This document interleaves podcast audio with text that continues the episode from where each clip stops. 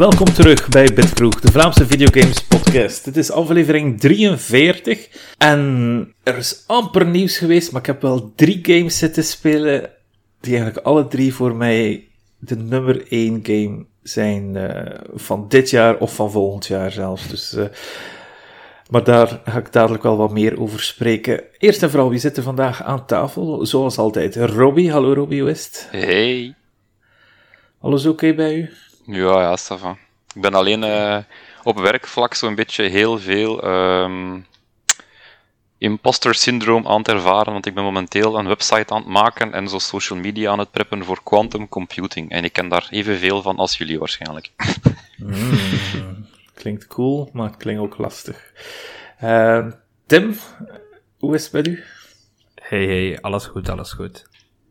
Oké. Okay. Ruud kon er niet bij zijn vandaag, ietsje te druk. Maar dus ook, ik zie, het ziet er naar uit dat dit een kortere aflevering gaat zijn. Goed ook, want het is, uh, ik ben wel wat moe.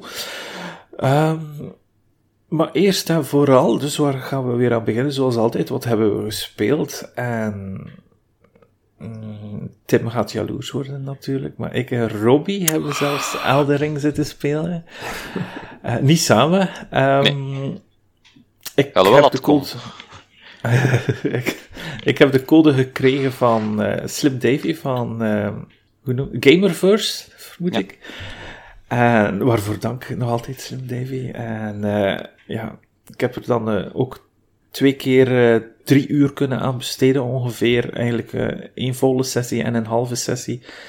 Dus drie uur en vier uur en een beetje. En ik vind het fantastisch. Het is alles wat ik wou, in feite. Het is eigenlijk wat ik wou, wat dat Breath of the Wild was. En dat is veel gezegd natuurlijk, maar mm -hmm. het is het wel voor mij, absoluut. Het uh, brengt me zelfs naar dezelfde hoogte zoals de eerste keer toen ik Ocarina of Time speelde. Zo goed vind ik het echt wel. Um, maar niet jaloers, hè? nee, nee, nee. nee maar het is, het is inderdaad heel, heel erg goed. Ja, ja, ja. Het, was, het was vooral verslavend en, en vreed frustrerend dat we maar een paar slots kregen van drie ja. uur en zo. En dat de meeste op onmogelijke uren waren. Ja, ik kreeg echt wel stress op sommige momenten. Yes. Dat ik wist van, oh, ik heb nog maar tien minuutjes, dus yes. oh, wat moet ik nu doen? En ik ben iemand die heel, een, een trage gamer, ik zoek ja. altijd van alles en nog wat. En ik, ik kijk graag naar dingen. Dus dat vind ik heel vervelend. Um, ik ook. Ja. Er was zo een pad dat opsplitst van, ah, je kunt hier door de main gate gaan, je kunt naar rechts gaan of je kunt naar links gaan. Maar ik wil ze alle drie doen. Ja, voilà. dat is het probleem, hè. Uh, maar de demo was... Uh, ik wil niet te veel spoilers vertellen over wat dat er in de demo voorkwam, want het is... Uh, er zaten twaalf bazen in, in de demo. kleinere bazen en grote bazen. Um, ik heb ze niet allemaal kunnen doen. Ik, Robbie, jij ook die waarschijnlijk? ik, heb, ik heb er één gedaan, denk ik, afhankelijk van wat dat een baas is. Mm -hmm. Want en, uh, die een Marit-kerel daar aan het begin van, de, van het kasteel, dat is de enige, denk ik, dat echt als een baas qualified dat ik gezien heb. Ah ja, oké. Okay. Uh, maar ja, ik, ik, wil, ik wil zelfs eigenlijk, ja, ik wil het niet ver, verpesten voor de luisteraars om er veel te, over te vertellen, want ik ben heel blij dat ik niets heb opgezocht voor uh, Elden Ring te spelen, om het allemaal zelf te, te ontdekken, zeg maar. Ja, um, maar ik ben daar eigenlijk een andere speler in, want bij de eerste ah, Dark Souls ja. heb ik heel erg erkend van, godzijdank dat er overal uh, facts bestonden en guides bestonden, want anders was ik niet ver geraakt in die game. Dus ik had echt zo, maar, niet volgens een, een walkthrough gespeeld van doe dit, mm. doe dat of zoiets, maar wel van, uh, je bent een beginnende speler met niet veel ervaring, pak maar een mage character. En dan heb ik dat gedaan. Ja. En dan was dan, maar dan gaat er een vijand tegenkomen dat tegen uh, magie resistent is. Maar je kunt daar de, de staart afschieten van die een draak met een pijl en boog en dan heb je een heel goed ja. zwaard vanaf het begin van de game. Ja. En dat soort dingen heb ik allemaal echt to de letter gevolgd van als het mijn ervaring maar wat makkelijker maakt. Maar ik vond wel over het algemeen, en dat is niet spoilen, dat deze game een pak makkelijker was als Dark Souls. Ja, dat klopt. Het was Veel meer save-files, uh, vijanden gaan makkelijker neer en je kunt ook een paar klopjes meer verdragen. Ja. En, en, je, en je stamina is ook niet zo zwak zoals in voorgaande games. Dus je kan meer hits ja, blokken. Ja. Uh, het speelt natuurlijk erg als een Dark Souls. Hè. Het is echt tot de letter. De animaties van de vijanden zijn Dark mhm. Souls. Uw animatie is Dark Souls. U, je kan u springen, dat is het grootste verschil, en je kan bukken. En uw paard kan ehm, ook springen. ja, voilà. En, en, je kan op een paard zitten. Dat is eigenlijk het grootste verschil tussen Eldering en Dark Souls. En de open ehm, wereld, hè. Ja. ja Al ja, semi-open wereld. Ik ervaar Dark Souls... De eerste keer als ik Dark Souls of Demon Souls of iets dergelijks speel, dan wil ik mijn eerste playthrough niet veel opzoeken, maar wel chatten met andere mensen erover die er ook doorgaan op dat moment. En dat vind ik geweldig. Ja. Uh, zoals, waarom ik uh, verliefd werd op Dark Souls, op de serie, was, ik ging vroeger naar een bepaalde gamewinkel in Gent, en uh, we waren met z'n drieën of zo, en een andere klant en de eigenaar van die gamewinkel. En we waren alle drie voor het eerst Dark Souls aan het spelen. En dan altijd zo vertellen tegen elkaar, wat heb je gedaan? Ja, ik, heb, ik, heb, ik, was, ik wilde die draak afmaken op de brug en ik begon te schieten op zijn staart. Continu. En hij was bijna dood en dan viel zijn staart eraf en ik kreeg een zwaard. En dat was, dat was de continu hoe dat wij door die eh, dat was zo continu hoe dat wij eigenlijk door die game gegaan zijn. Door al pratend erover, eh, te communiceren. En nu heb ik dat ook gedaan. Klinkt zo'n beetje eh, gelijk een supportgroep voor elkaar. Zo. Ja, ja. al twintig keer doodgegaan. Ja, maar dat is de max. Dat is de max. Ik heb dat nu ook gedaan met Michiel uh, van MVB van Geekster. We hebben ook redelijk wat zitten chatten over de demo. En, en dat is gewoon geweldig om gewoon zo verliefd te worden op een spel, omdat je die communicatie, die community, je raakt daarin verzeild. En, en ik, ik vind dat zo cool om gewoon te babbelen met, over een bepaald spel, zo diepgaand tegenover bepaalde personen. Dat vind ik, dat vind ik geweldig. Dat, dat, dat siert Dark Souls echt wel, dat, dat de community heel dicht bij elkaar staat. En er zijn ook veel dingen, uh, veel richtingen om in te gaan, hè, want ik heb mij meer gefocust in plaats van op alle bazen te zien, van al die verschillende character classes een keer aan de tand te voelen en zo. Dus ik heb eens keer gewoon een nieuwe game gestart, een nieuw personage geladen en gekeken van hoe anders speelt dat. Ja. ja ik heb, uh... Dat was toch wel aanzienlijk een groot verschil in hoe moeilijk of hoe makkelijk het de game was. Want ik was gestart met een Bloody Wolf. Ja, dat is eigenlijk het meest klassieke Dark Souls. Uh, ja, het is een beetje typischer met een naam ook. Dat is het meest klassieke Dark Souls character dat je kunt gaan, denk ik. Zo eigenlijk een, een knight met een, een groot zwaard en een schild. Ja. Ja. Geen magie. Veel dodge roll en veel blokken om te overleven. Maar de mhm. game heeft wel meer. Ik heb alleen maar de eerste Dark Souls gespeeld, die andere niet. Maar daar hadden wij nog nooit mobs in. Dus je had nooit groepen van meerdere vijanden. Ja. Of toch zelden. En in deze game wel. En dan is zo'n klassieke beeld precies toch iets dat u veel trager door de game gaat doen gaan van start tot einde dan dat je zo'n mage zou pakken met zo'n area of attack skills of mhm. zoiets. Area of effect skills. Want ja, het enige dat je als base loadout daar kunt doen, is met je zwaardje slagen op iets. Ja, als je dan een keer die een uh, champion probeert en je kunt zo met een drakenkop summonen en zo in een driehoekvorm, ik weet niet veel vijanden uitschakelen, of hetzelfde met die een prophet en je kunt van die klauwen doen. En dan letterlijk, die aan, base aanval doet dan vijf vijanden dood in één slag. Terwijl mhm. ik met die een Bloody Knight twee slagen nodig had per vijand. Dus ja. Kijk, ik heb zelfs die drakenkop niet gezien. Kijk, dus er zitten nog heel veel coole dingen Er zaten heel veel, heel veel uh, spells in en, en merchants verstopt en zo, dat niet gewoon op je pad lagen. Ja. ja, ik heb redelijk wat spells kunnen kopen, dat wel. Want ik had voor uh, een beeld gegaan, wat in de ene hand had hij een toverstaf en in de andere hand zijn zwaard. Maar hij had ook Enchanted een... Knight.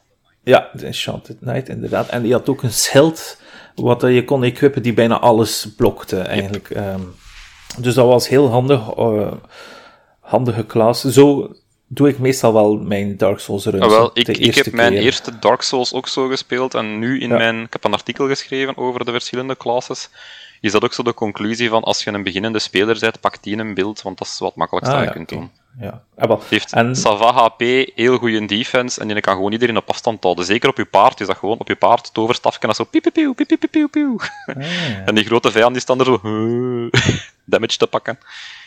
Het leuke is wel dat je de wapens kunt uh, enchanten. Ja. Dus je kon vroeger in, in Dark Souls, kun je als, je, als je eenmaal Dark Souls onder de knie hebt, weet je dat je je wapens moet enchanten met je, je, je build. Dus als je een, een magie karakter bent, moet je, denken, moet je kijken naar zijn scaling van zijn wapen, dat die scalt met S of A. Dat is altijd handig, want dan hoe meer puntjes, hoe meer XP dat je steekt in je magie en je intelligence, hoe sterker je zwaard ook bijvoorbeeld wordt, uh, omdat hij skilled met, je, met je stats. Maar hier kun je die items, um, in Dark Souls was het zo eenmaal dat je hem gekozen hebt, dan verlies je je, uh, je steentje als je hem upgrade. Maar hier blijf je je, je, je art, noemt dat, of ash. Ash of War. Uh, Ash of War wel behouden. Dus je kan altijd switchen van wapens en wel dezelfde skills of dezelfde scaling erop houden. Dus dat is wel iets wat er makkelijker geworden is. Er zaten vooral heel coole effecten in, want ik had zo die een glint of nog iets op die een Bloody Knight, Bloody Wolf. En dat is echt zo in een heel trage je zwaard vier keer zo groot maken. Zo één stap, twee stap, drie stap en dan neerslagen. En dat oh. ziet er, ik weet niet hoe cool uit, maar dat is zo traag dat je eigenlijk al iemand in de rug moet raken en dan kun je al even goed gewoon een basic attack doen in hun rug en evenveel damage doen. Oh, de mak, dat heb ik ook niet gezien. God. het enige wat ik deed was heel het Crystal Home voor de mensen die Dark Souls uh, kennen. En, en dat, dat, dat was continu bijna iedereen uh, ja, neerhalen. Nee, het was farmen in water areas met Thunderbolt, want dat deed dan extra damage.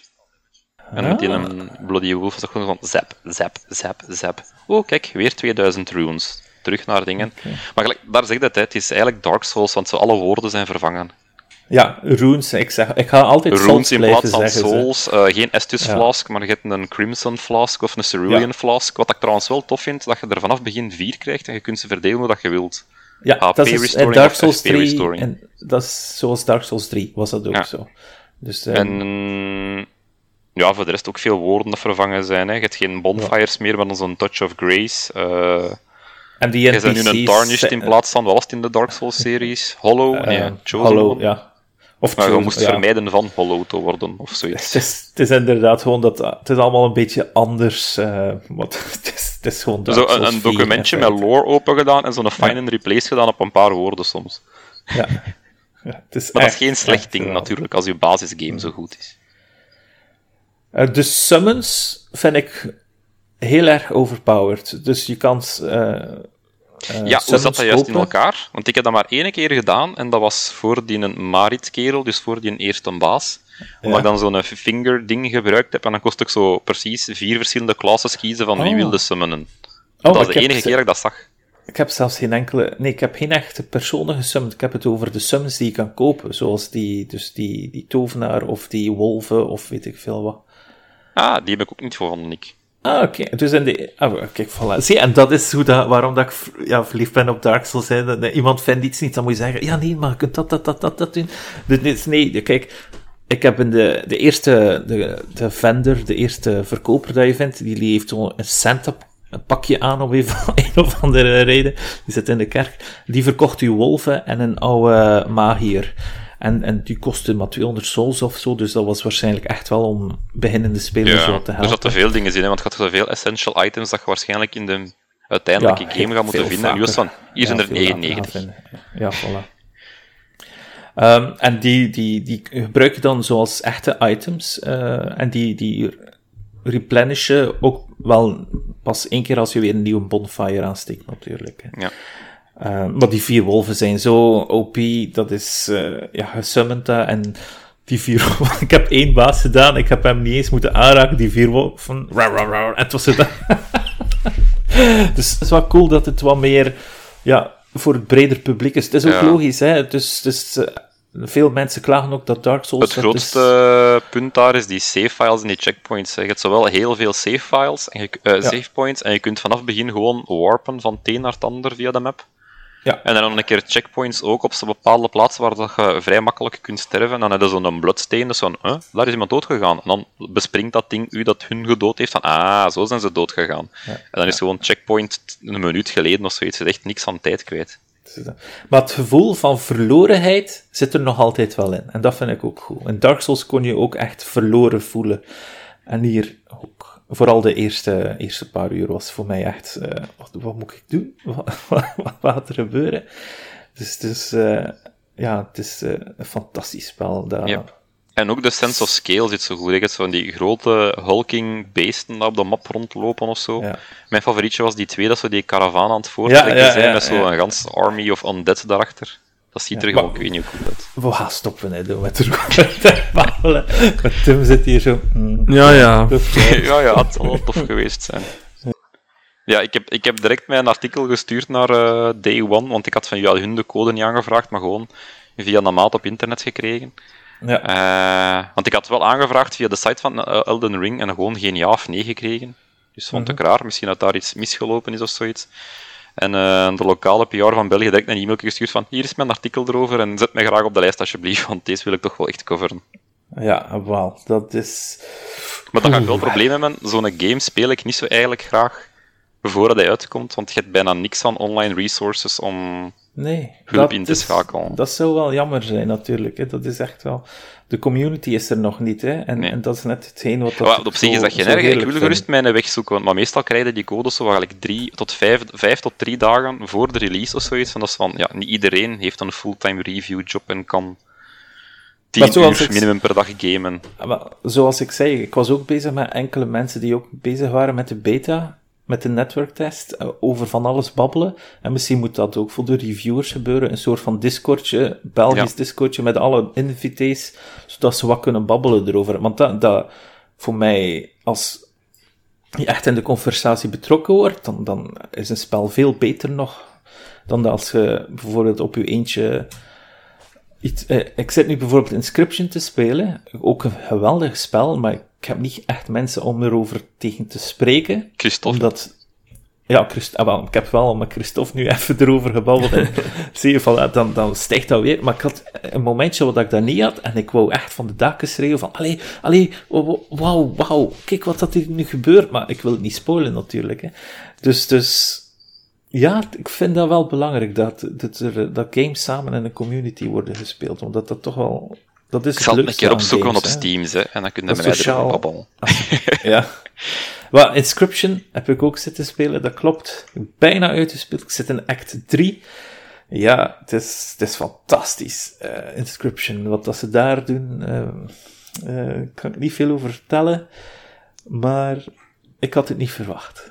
En dan was gisteren ook de aankondiging dat Halo plotseling de multiplayer vanaf gisteren gratis te spelen en te downloaden is en voor iedereen te spelen valt. En ja, het is, het is, ja, het is een geweldige multiplayer hè, die, die eigenlijk onevenaard is, aangezien dat die gratis is. Dus Call of Duty, Eat Your Heart Out, uh, Battlefield, spijtig voor jullie, maar Halo is terug en heeft jullie zijn troon opnieuw veroverd. Hè?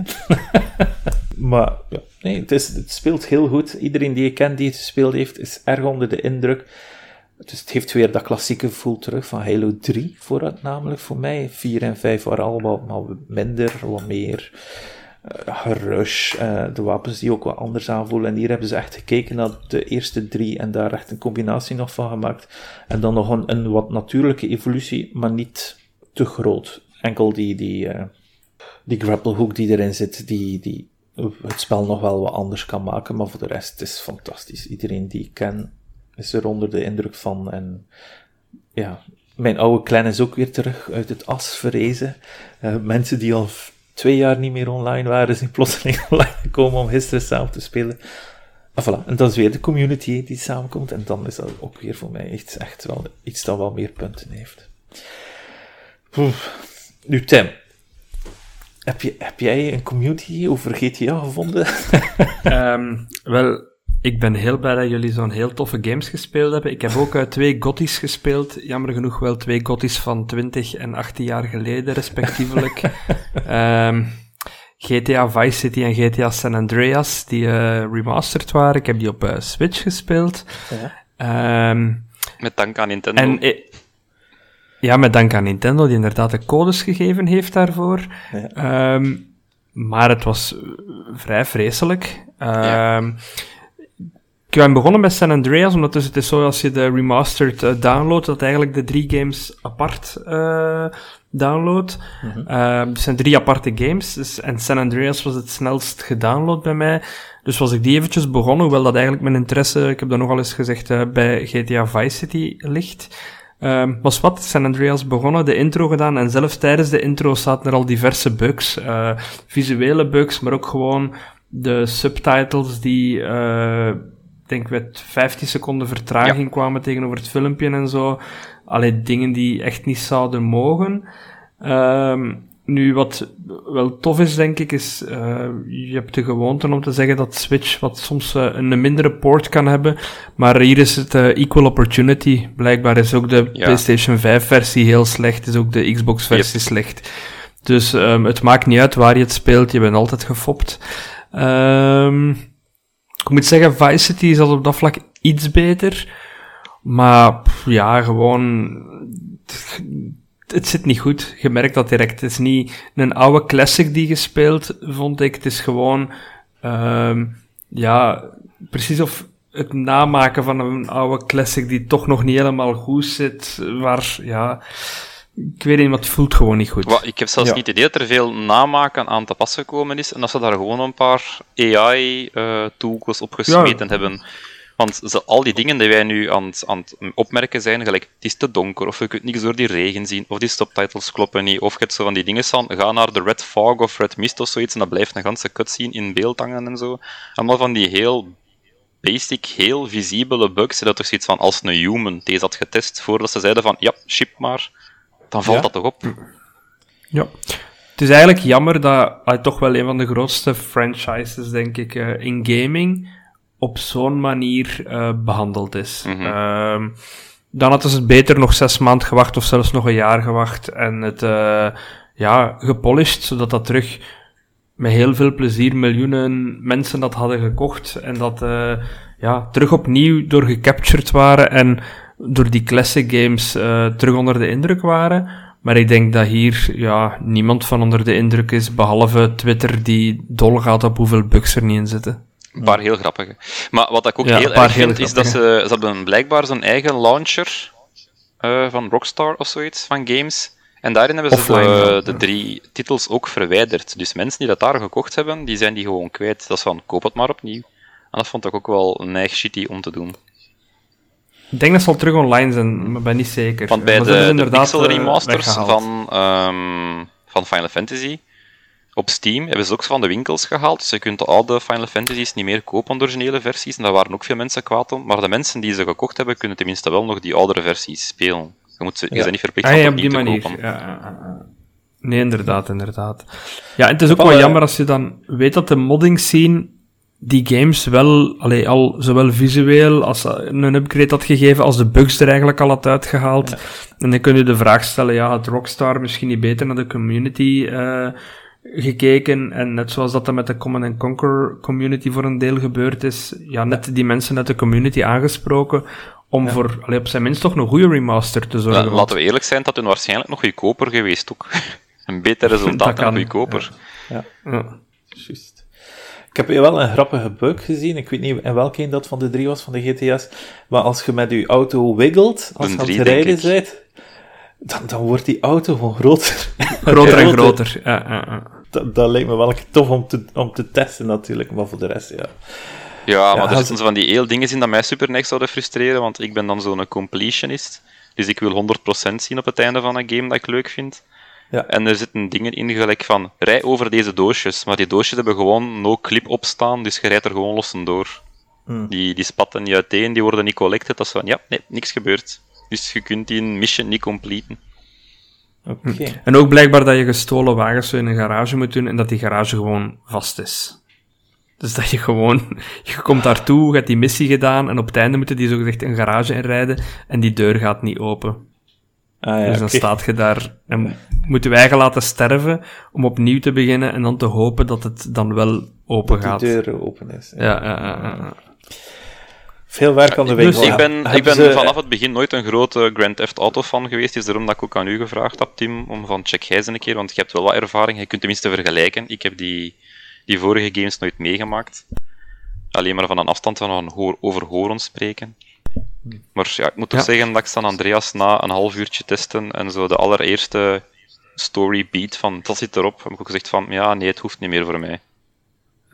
Maar ik blijf het wel, ik heb dus allee, ook Vice City dus zitten spelen en ik, ik vind het wel jammer, want op zich vind ik nog steeds die vibe die in Vice City zit wel, wel, wel fijn. Um, Vibe City. Dat, ja, Vibe City. dat, maar dat game had gewoon een echte remaster verdiend. Um, en dan, dan ja, had dat ik zeg het, veel mensen kunnen bekoren, veel mensen die nog nooit dat game gespeeld hebben. Uiteindelijk een PlayStation 2 game, je hebt een heel nieuwe generatie uh, die die nog nooit gaan gespeeld hebben. Want is dat gewoon deftig geremasterd, dan had daar een Hanse nieuwe generatie uh, opnieuw verliefd geworden op, uh, op dat game. Hmm. En dat is nu jammer genoeg niet het geval. Ja, heeft Rockstar iets gezegd dat ze het gaan aanpassen? Of, of of hebben ze eigenlijk al een sorry denk er al een officiële statement geweest is daarover, nee. Maar dat is ook niet echt Rockstar, hè. dat is meer Take-Two, de publisher, dat erachter zit, achter dit, denk ik. Ah, Sommige speculatie op het internet is, is dat door het vertrek van een kerel uit Rockstar, die meestal aan het hoofd stond van alle GTA's, van de stories en zo verder, dat daardoor de boel daar wat uh, meer op geld is, is gefixeerd geworden. En, en dat daardoor al dit gedoe is, is ontstaan. Ik, weet niet of dat het natuurlijk zo waar is. Hè, maar... Zelfs dan nog vind ik het een slechte beslissing. Alleen bedoel, dan kun je nog beter een goede remaster hebben die dat de komende vijf jaar ook nog een keer miljoenen gaat verkopen, ook op de nieuwe mhm. consoles, uh, dan dat je dit aanbiedt. Die cheap cash in, ja. Hm. ja. En, en nog iets anders gespeeld, Tim, anders? Nee, dat was het. Uh... Jammer genoeg geen Elden Ring voor mij. ik heb wel uh, een, een 4K 60 frames per seconde game gespeeld hoor. ah, oké. Okay. Welke? Peppa Pig. Peppa Pig. Ja, de kindjes zijn heel grote fan van al die IP-games van mhm. Nickelodeon en dergelijke. En Outright Games maakt heel veel van die kids games, of published er een paar van en zo. En Peppa Pig was er toch eentje dat ik moest gecoverd hebben, want daar zijn ze hier grote fan van. Ja. Uh, ik moet zeggen dat het eigenlijk al de beste kid game is die ik gespeeld heb. Ook voor de kinderen zelf. Mijn driejarige zoon kon de controller in zijn handen krijgen en die kon effectief progress maken. Je moet gewoon links of rechts lopen, want het is een beetje een point-and-click adventure. Maar je hebt maar één knop en dat is de A-knop en je moet zelf niks pointen. Allee, het is eigenlijk gewoon je manneke bewegen, ervoor staan en op A duwen. Ja. Loop de keuken in, sta voor een doosje met voeding, druk op A, loop terug de kamer daarnaast, sta voor het bakje met eten van de papegaai, druk op A en je geeft hem eten. Het is totaal niet moeilijk natuurlijk, iedereen kan het uitspelen. Uh, het is ook maar een uur en een half content in, als je weet waar je naartoe moet gaan, maar dat is dan weer het ding met die kleine gasten, is dat ze het niet goed weten van wat heb ik nu al gedaan, of wat wordt er van mij verwacht, dat ze daar langer mee bezig zijn. En zij vinden die herhaling ook belangen zo erg niet van tien keer hetzelfde te zien of zo. Waar ik zo zot van zit te komen als ik gewoon aan het meekijken ben. Maar allee, je hebt dat al gezien. En dat zo. Gelijk in typische JRPG-fashion, als je zo met iemand spreekt en dat zo gedrukt ene keer te veel op de A-knop, dat in een dialoog opnieuw start, dat ik zo al mijn haar uit mijn hoofd aan het trekken ben. Vandaar dat ik kaal ben geworden waarschijnlijk. En, uh, en dan zie je die kinderen dat doen en die zijn op die A-knop aan het rammen. Dat ze van, pas op, hè, want je gaat terug opnieuw. En we zijn op je vertrokken. Ha, het is gedaan. Nog eens, nog eens. Ja, maar, ja dat is zo typisch ook die kinder, de kidgames en kids gedaan. Nog een keer, nog een keer. De Teletubbies, dat is een beetje een catchphrase ook, dacht ik. Hè. Net. Ja. ik heb um, al eens een review erover gelezen en ik vond hem uh, heel geestig. Dus, ja, uh... dat vind ik altijd tof van die, die kindergames, is dat in plaats van dat ik het zelf ga reviewen, dat heeft niet veel nut. Ik ben de target audience daarvoor ook niet. Nee, het is dat. Dan, dan vraag ik liever gewoon aan mijn kinderen met doelgerichte vraagjes van, ik weet wat dat de mensen die het kunnen kopen willen horen, en dan stel ik gewoon die vragen aan de kinderen. Maar en hun conclusie is meestal heel veel positiever dan de mijne, want ja, uiteindelijk, ik keek naar mijn portemonnee, dat kost 40 euro voor een game van een uur en een half, en dat is eigenlijk al het einde van de discussie. Maar zij hebben er wel hun plezier aan, dus... Ja. Ja, en als je, kinderen, als je twee kinderen hebt, pak ze een keer mee naar de cinema, zijn je ook al 40 euro kwijt de tijd. Ja, niet, niet onze lokale cinema, maar ja, inderdaad, dat kan al eens Niet cinema Albert? Nee, dan Albert zit dan maar 8 euro kwijt of zoiets. Nog niet. Dat is van de volwassenen. De Kinepolis, hè. Ja, met de popcorn en een drankje, hij zit ook al kwijt natuurlijk. Ja, dus, dat valt ook goed mee bij ons. Even reclame voor de cinema Albert. Ik zal vragen als we ons sponsor... Cinema Albert, 3 euro voor een, uh, voor een opmonkey. Ik geef het ah, maar. Ah, ja. Ik zal sponsoren volgende keer als ik er kom. Hè. Ik zal dat vragen. Ah, voilà, voilà. Oké, oké, dat is wat we gespeeld hebben ongeveer deze week. Uh, ik, ga wel, ik ga nog even vertellen wat ik net gedaan heb. Ik heb net een PlayStation 5 verkocht.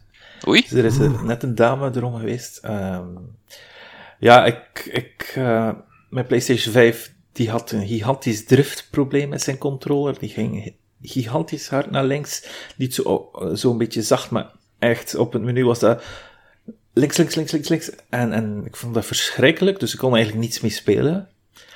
Um, het was een digital edition, wat dat mij ook begon te storen, voornamelijk bij Sony, want uh, als ik bijvoorbeeld um, Deathloop zou willen spelen, dan was het nog altijd bijna 80 euro kwijt, terwijl je hem al fysiek voor 35 kunt vinden. Dus dat is, ja, dat vond ik wel heel vervelend. Met de, hele, met de Xbox vind ik het absoluut niet vervelend dat het een digitaal toestel is. De, de kleine series is, maar ook mijn X. Ik heb daar nog nooit een disk in gestoken eigenlijk. Omdat ik vanwege Game Pass al heel veel uh, digitale library heb. En omdat uh, Xbox je ook toestaat om, om je digitale games te sharen, maar ook om, om, om te kunnen kopen op andere marketplaces uh, dan België. Dus je kunt soms even een reisje plannen naar Argentinië, zeg maar, of naar Egypte. En daar zijn games soms 20% Of naar Nieuw-Zeeland als je het een dag vroeger wil spelen. Of naar Nieuw-Zeeland als je het een dag vroeger wil spelen. Dus dat is wel handig daaraan.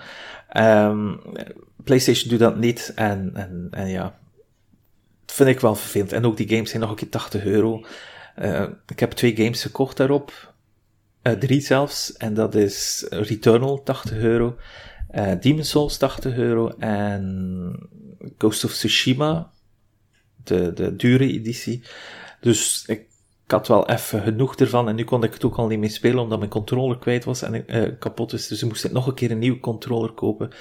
En dacht ik van, weet je wat, ik ga hem even verkopen totdat de nieuwe God of War uitkomt en dan koop ik wel zo'n special edition. Ik heb wel altijd wel geluk gehad met Playstations op launch te krijgen. Dus dan hoop ik dat dat ook lukt op dat moment. Waarschijnlijk niet, maar fingers crossed, maar ik had geen zin om nog een keer 75 aan een controller te geven. En dan als ik nog een nieuw game wil spelen, om nog een keer 80 euro.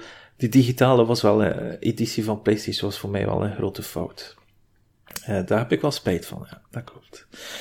Dus ja, ik heb hem net verkocht voor, voor 3,25 uh, met een, slechte controller. Dus ik, ik, ik, heb ook geen extreem geld willen vragen, omdat ik niet vind dat dat ja, fans, ja, dat dat fatsoenlijk is.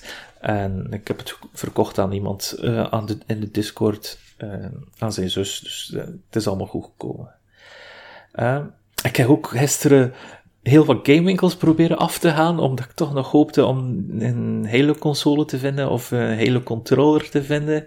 Maar die vond ik nergens. En ik heb ook nergens Shin Megami Tensei 5 kunnen vinden op Switch. Dus Dreamland niet, Game Mania niet. Carrefour niet, uh, de Fun niet. Dus pff, dat was wel verschrikkelijk. En nog één iets wat ik nog in de kijk, uh, kijker wil zetten, is dat, er, dat we een nieuwe lid hebben. En die heet Theology Beach. Maar wat ik wel interessant vond, is dat ze een link gedeeld heeft. Um, van KU Leuven. En dan moet je best even op Google zoeken. KU Leuven, spatie Thomas spatie videogames of zoiets, want de, de link is net iets te, te, te lang. Maar ik vond het zo'n speciale insteek, want dat was dus uh, een soort van, ja, ik weet niet, Robbie, een soort van game reviews, maar met een insteek van, van het christelijke uit. En, de educatieve waarde en zo ook een beetje extra gehighlight soms. Ja, maar ik moet nu wel zeggen, ik ben niet iemand die erg christelijk is. Ik, eh, vroeger wou ik wel pastoor worden, maar dat spreek ik ook over, over 25 jaar terug, toen ik zes was. En er waren maar twee dingen. De reden waarom ik pastoor wou worden, was omdat, ja, die moeten like, niet werken. Dus, dus, maar... Het is postbode geworden. Ja, boodschap leveren. Ja. Um, ik, uh, ik vind het wel interessant, want, want ik vind dat geloof wel voor sommige mensen een groot gegeven kan zijn. En dat dat soms wel veel hoop kan geven voor sommige mensen. Dus ik vind het wel een hele leuke insteek. Uh, wel, een keer de moeite om uh, op, het, op een ander inzicht naar games te kijken, vind ik persoonlijk. Ik weet niet, Robbie, wat vind jij van? Ik heb nog maar één artikeltje gelezen en dat was die mm 11, 11, uh, 11, Memories Retold. En ik vond die toch al interessant genoeg geschreven dat ik de rest ook wil checken. Maar die waren wel vrij meaty, die artikels. Mm -hmm. Ja, ja, weet, ik, ik, moet niks zeggen, want ik schrijf ook uh, eh, 3000 woorden reviews soms. Maar dat is moeilijk om ja. daar tijd voor te vinden om allemaal door te lezen, natuurlijk. Ja. Ja, dus ik denk dat ik er gewoon een paar ga uitpikken. Dat is nu eentje dat ik zelf recent wou kopen op de Xbox Store. En daarom dat ik de die aangeklikt had. Maar er waren ook heel wat games dat ik gespeeld heb. En dan ga ik wel een keer stukje per stukje ik er af en toe eentje ermee uitpakken. Voor te kijken van hoe matcht het met wat ik erover vind. Ja, dus moeten jullie, eh, als jullie geïnteresseerd zijn, eh, beste luisteraars, moeten jullie maar eens zoeken onder KU Leuven, eh, Thomas en videogames overzicht. Zoiets, op die manier gaat het wel vinden. Jullie Thomas More waarschijnlijk of zoiets. Ja, jullie kunnen vast wel overweg met, met, het, met de Google. Maar dat is even sidetrack. willen jullie nog iets sidetrack toevallig? Iets dat jullie meegemaakt hebben deze week? Nee, we hebben interessant nieuws aan het overlopen, want we hebben juist uh, de nominees te horen gekregen van de Game Awards. Ja. Dus uh, hoe gaan we dat doen? Gaan we, gaan, ja, ik ga ze allemaal Gewoon een keer de categorieën al overlopen, of is dat een beetje voorbarig? We kunnen zelf al zeggen welke dat wij zouden kiezen of zo. Hmm, nee, dan gaan we misschien... Ik, anders, anders overloop ik de categorie. Zeg ik wat, dat we, uh, wat dat er genomineerd is. Mm -hmm. En... Hmm, dan zeggen we wat we gaan kiezen, of niet? Ja, is goed. Ja, oké. Okay, ja. Oké. Game of the Year is de eerste categorie.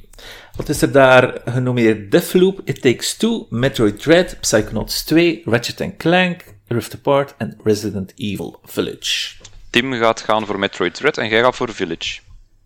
Ja, goed. Kijk, voilà, het is al opgelost.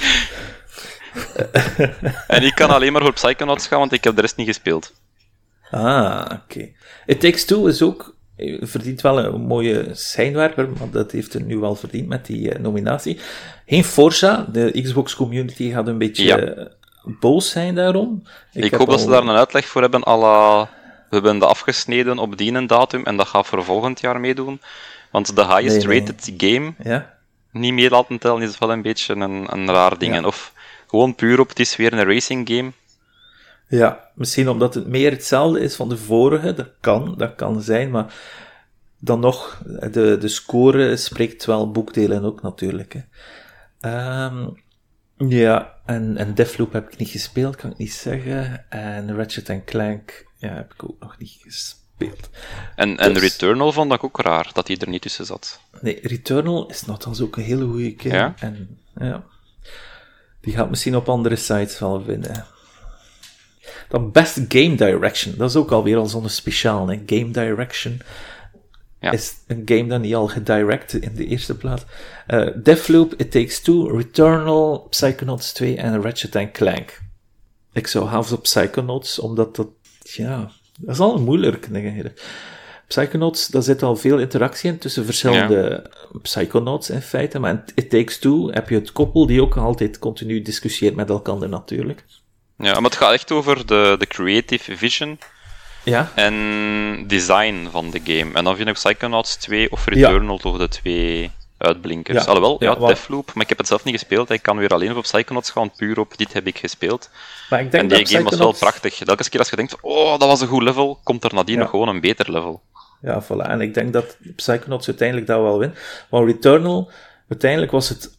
Ik heb het uitgespeeld, eigenlijk heel snel, want als ik andere mensen hoor over Returnal, die, die, die raken er nog altijd niet door. Maar Returnal was bij ons achter twee weekenden, was die wel completed een paar keer.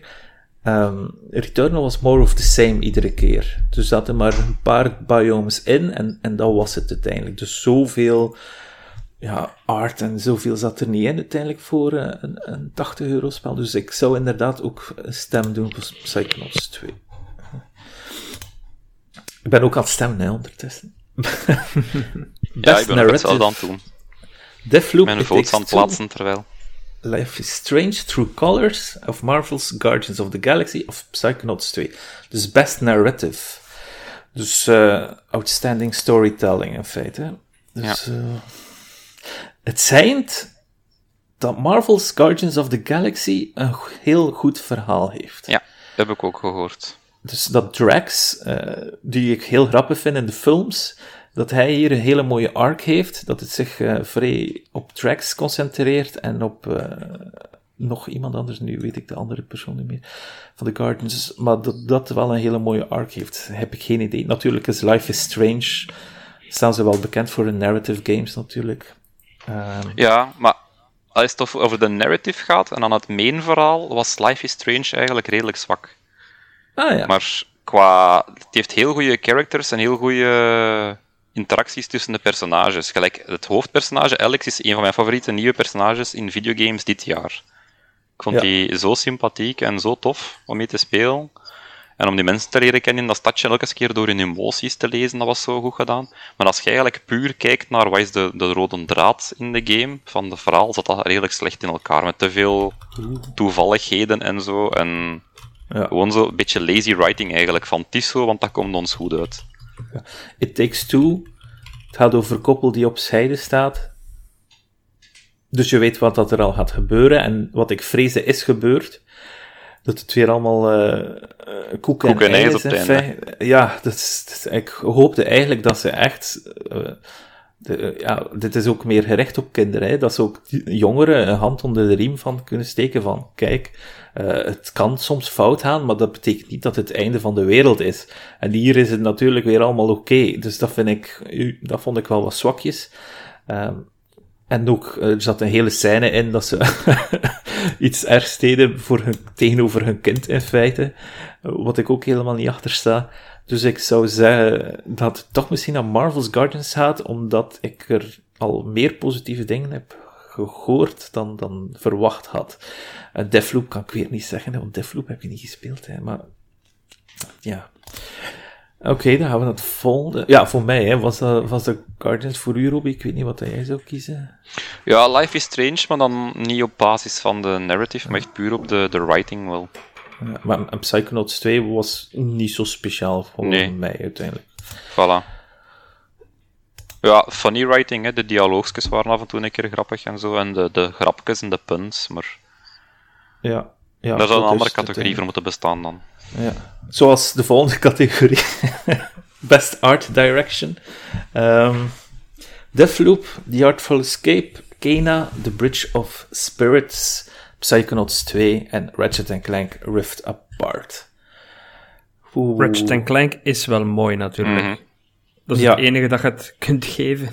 Ja, maar het probleem is dat we met Ratchet Clank hebben ze niet veel moeten uh, grijpen naar hun fantasie, want ze hadden alles nee, al nee, dat is waar. in vijf voorgaande games staan. Uh, Psychonauts eigenlijk ook wel een beetje natuurlijk. Psychonauts 1 heb ik even gespeeld en je kan wel zien waar de invloeden zijn. Het is natuurlijk wel geweldig hoe dat alle levels zijn. Kena was iets nieuws, wat ook heel mooi is, maar niet gespeeld. En The Artful Escape... Die krijgt mijn vote. Ja, van mij ook, omdat ik mijn vriendin heeft die uitgespeeld. En het woord art zit in de titel, dus voilà. dat kan niet Nee, maar eigenlijk, letterlijk elke scène uit die game kun je screenshotten uitvergroten en op je muur hangen, vind ik. Ja. Die is zo mooi en tof gedaan.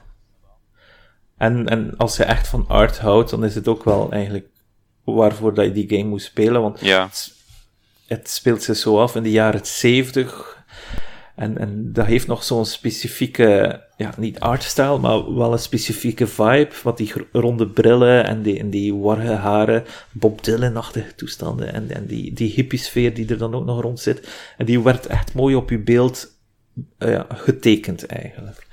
Dus uh, daar gaat mijn fout naartoe. Best score en music. Cyberpunk zit er een keer tussen voor de keer. Near Replicant. Deathloop, Marvel Guardians of the Galaxy en The Artful Escape. Daar kan ik minder over zeggen. Ik weet niet, Robbie, wat jij zou zeggen? Uh, ik heb hem zelf niet gespeeld, Guardians of the Galaxy, maar ik heb wel de playlist gedownload omdat die zo goed is. Ah ja. Ja, Holding Out for Hero zit erin zeker? En The Artful Escape, waar, ik vond die wel mooi. Ja. Maar, allee, en die klonk ook niet slecht of zo, maar ik ben niet voor die electronic guitar riffs waar dat de game zo vol mee zit. Ja, ik ook niet.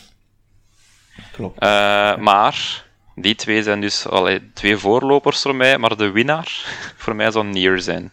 Ja, maar het is geen nieuwe game, Nier.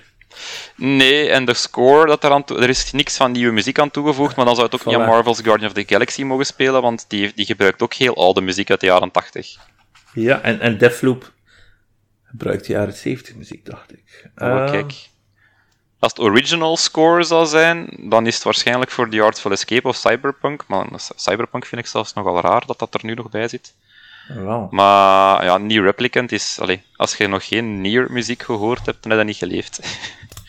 dat is nog, nog beter als Final Fantasy-muziek, vind ik. Ja.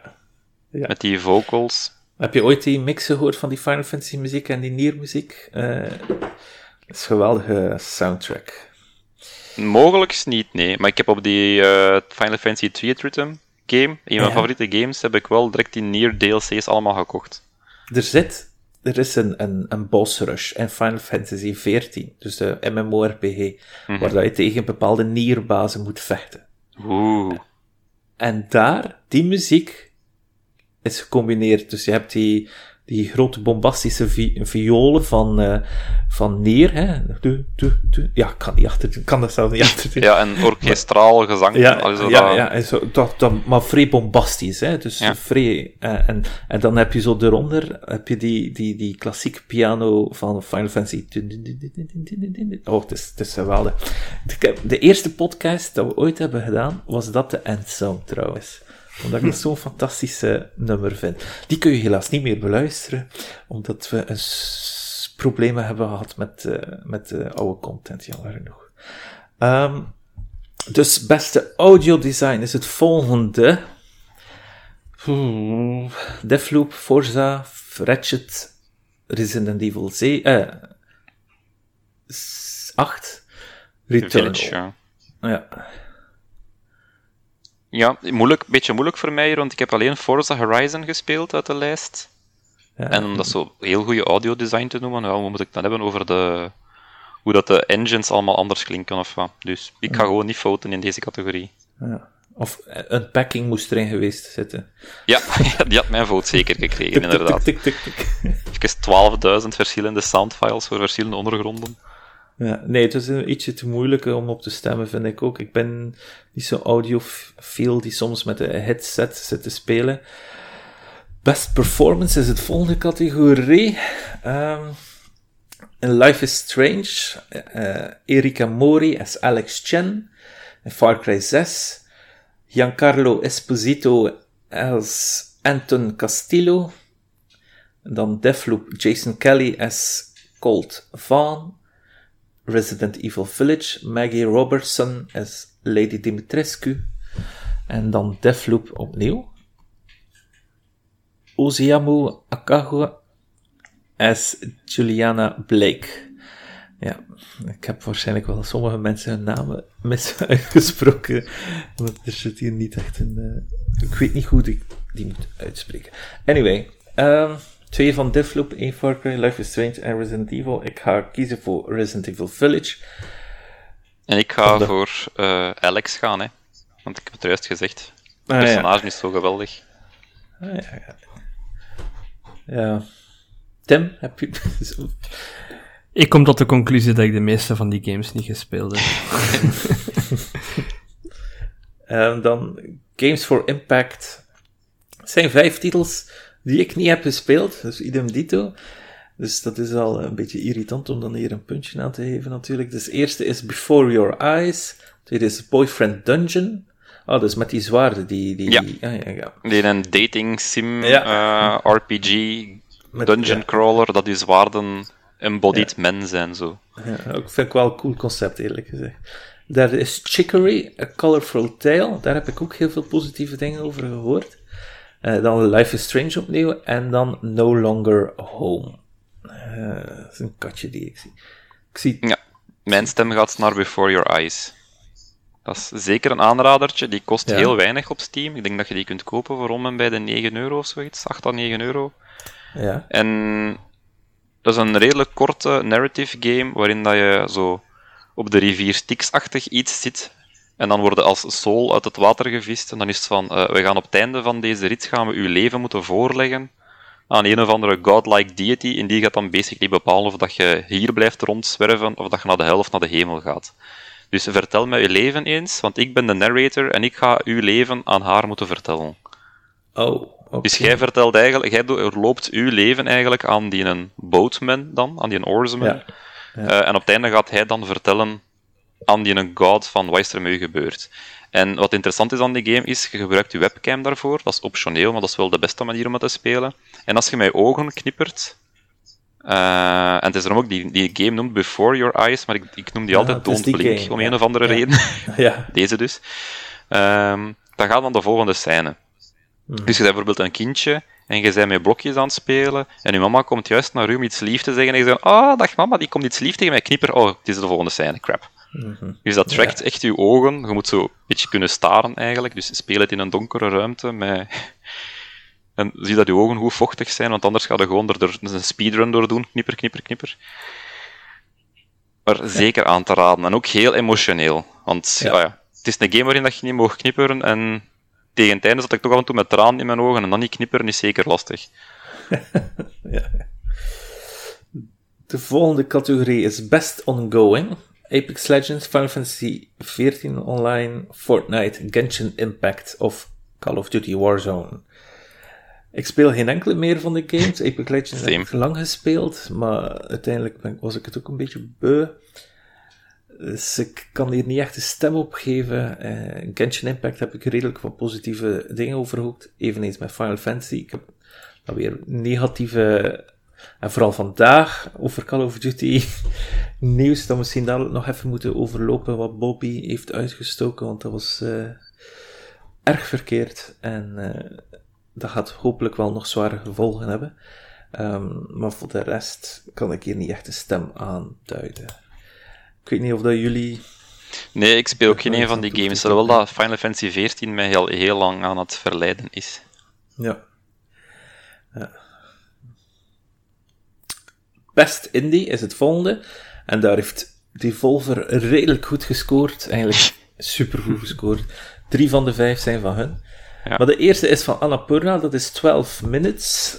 Hij heeft, uh, was een heel mooi premise, maar de meeste mensen die hem uiteindelijk hebben getest waren toch wel erg negatief erover. De tweede is Death's Door, een geweldige um, actie-adventure game eigenlijk. Ja.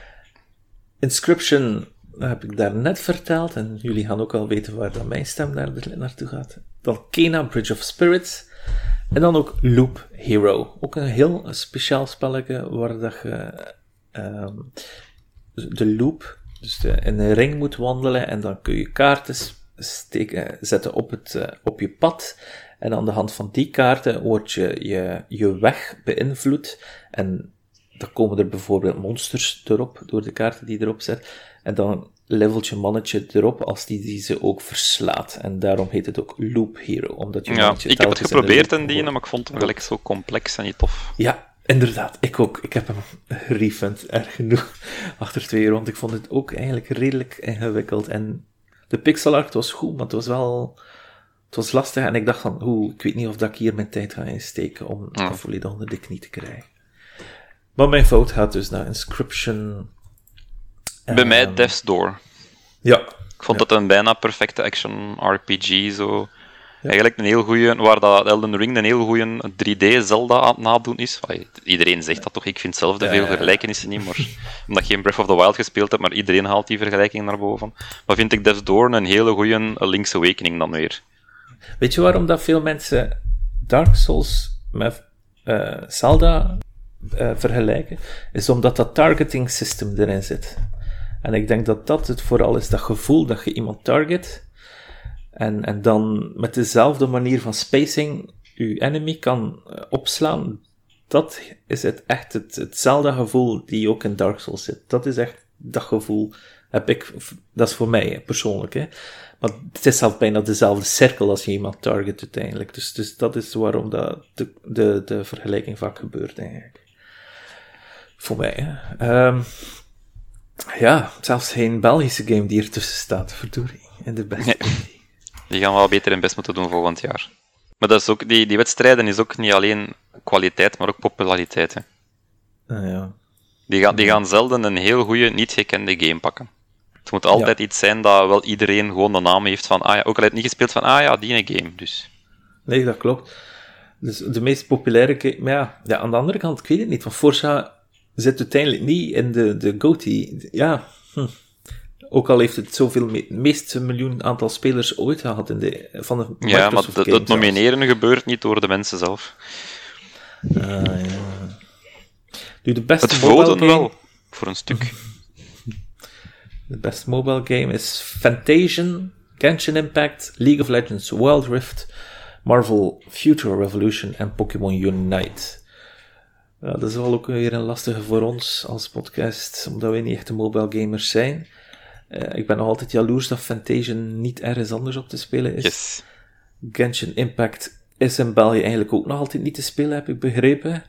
En League of Legends Wild Rift heb ik geen idee wat dat, dat is. Ik denk dat dat de, de minder complexe versie is van League of Legends op, op de cellphone. Marvel Future Revolution, idem dito, geen idee. Pokémon Unite, even gespeeld. Het was een te trage MOBA voor mij. Um, qua hoe dat je karakter bewoog, bedoel ik. Um, dan gaat mij voor een Fantasian, ook al heb ik hem niet gespeeld. Voor mij ook. Moest Magic the Gathering Arena er tussen gestaan hebben, dan had dat mijn stem gekregen. Best Community Support, ik denk dat we die gaan over Ah nee, No Man's Sky zit er tussen Fortnite. Ik denk dat No Man's Sky dat wel verdient, hè? Ja, absoluut. Met ja, zoveel passie dat die mensen nog altijd hun game verder zetten, is uh, No Man's Sky hier absoluut de winnaar van. Ook al denk ik dat Apex Legends ook wel hun best doet. Het is niet die brengt, ja, eigenlijk vind ik niet dat die hun community goed supporten, aangezien dat ze zoveel content uit hun games weghalen van de spelers. dus dan winnen ze het sowieso al niet. Nee, voilà. En Final Fantasy, daar was wel ook wat heisa rond. Niet, niet negatief, maar die mensen zijn wel erg positief. Dus de, de, de creator van Final Fantasy 14, of de, de curator van Final Fantasy 14 Online, die heeft zelf zich publiek geëxcuseerd met tranen in zijn ogen, omdat de nieuwe expansion, die nu ging uitkomen ongeveer, 14 dagen vertraging heeft gehad. En dat iedereen nu eigenlijk 14 dagen later hun vakantiepas moet opnemen in de plaats van hun voorziene tijd. Ja, ja, maar dat, ik snap het wel dan, ja. Eh, ja ik was aan denken, wat is 14 dagen nu? Maar inderdaad, er zijn wel mensen dat daar in de verlof naar plannen en dan is dat wel pijnlijk. Ja, ja absoluut.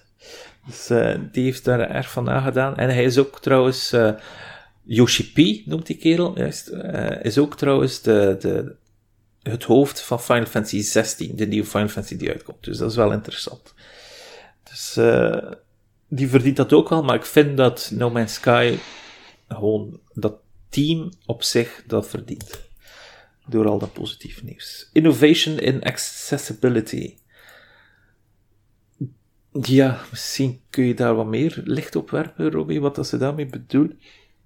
Ja, ik heb niet alle games gespeeld hier, maar het is Far Cry 6. En Far Cry heeft wel redelijk wat accessibility dingen, zoals uh, voorgelezen menus en zo, en heel veel shortcuts om het makkelijker te maken.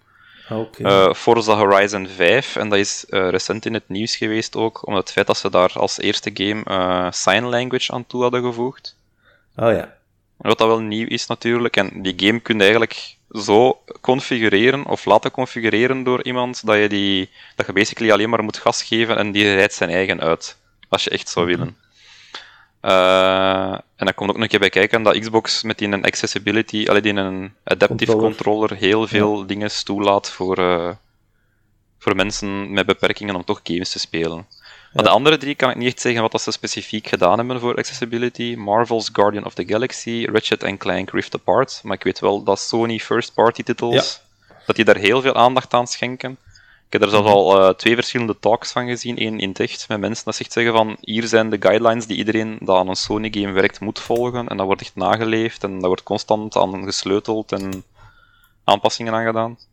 En de laatste is The Veil Shadow of the Crown.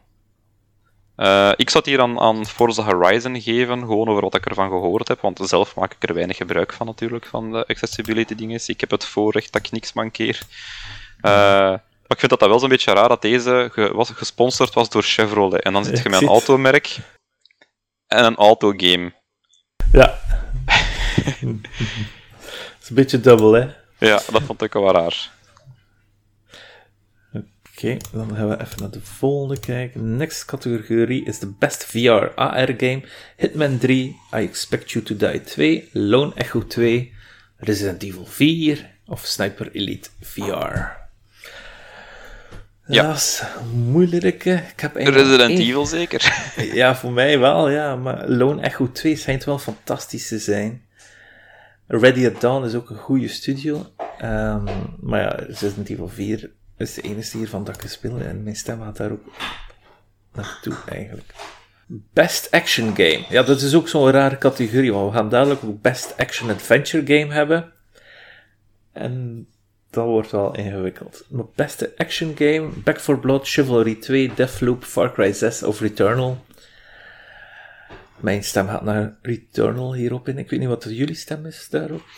Ja, als ik moet kiezen uit de twee games die ik gespeeld heb, is het tussen Back 4 Blood en Far Cry 6. En dat is alle twee een beetje een magere keuze. Dus ik zou zeggen Far Cry 6, maar dat is ja. De, de, commentaar van iedereen, het is more of the same, is wel gerechtvaardigd. Hè. Dat is echt ja. zo'n color by the book game. Chivalry 2 heb ik redelijk goed, ja, lang gespeeld. Maar uiteindelijk ja, word ik dat ook wel beu, uiteindelijk. Eh, omdat het toch continu hetzelfde game is. 40 tegen 40 en een beetje slaan. Uh, uiteindelijk is de pret er ook wel vanaf. Na een weekje. Eigenlijk, het is van de jaar uitgekomen, hè. Hier zal ik uh, Outriders nomineren van de games die ik gespeeld heb, omdat ik me daar zo mee geamuseerd heb. En nu hebben we Best Action Adventure, dus Marvel's Guardians, Metroid Dread, Psychonauts 2, Resident Evil Village of Ratchet Clank. Jo, hier heb ik er een van gespeeld. en wint die dan ook? By default? Ja, by default. Er zitten hier vier games in van GOTY eigenlijk. Dus Metroid, Psychonauts 2, Ratchet Clank en Resident Evil Village.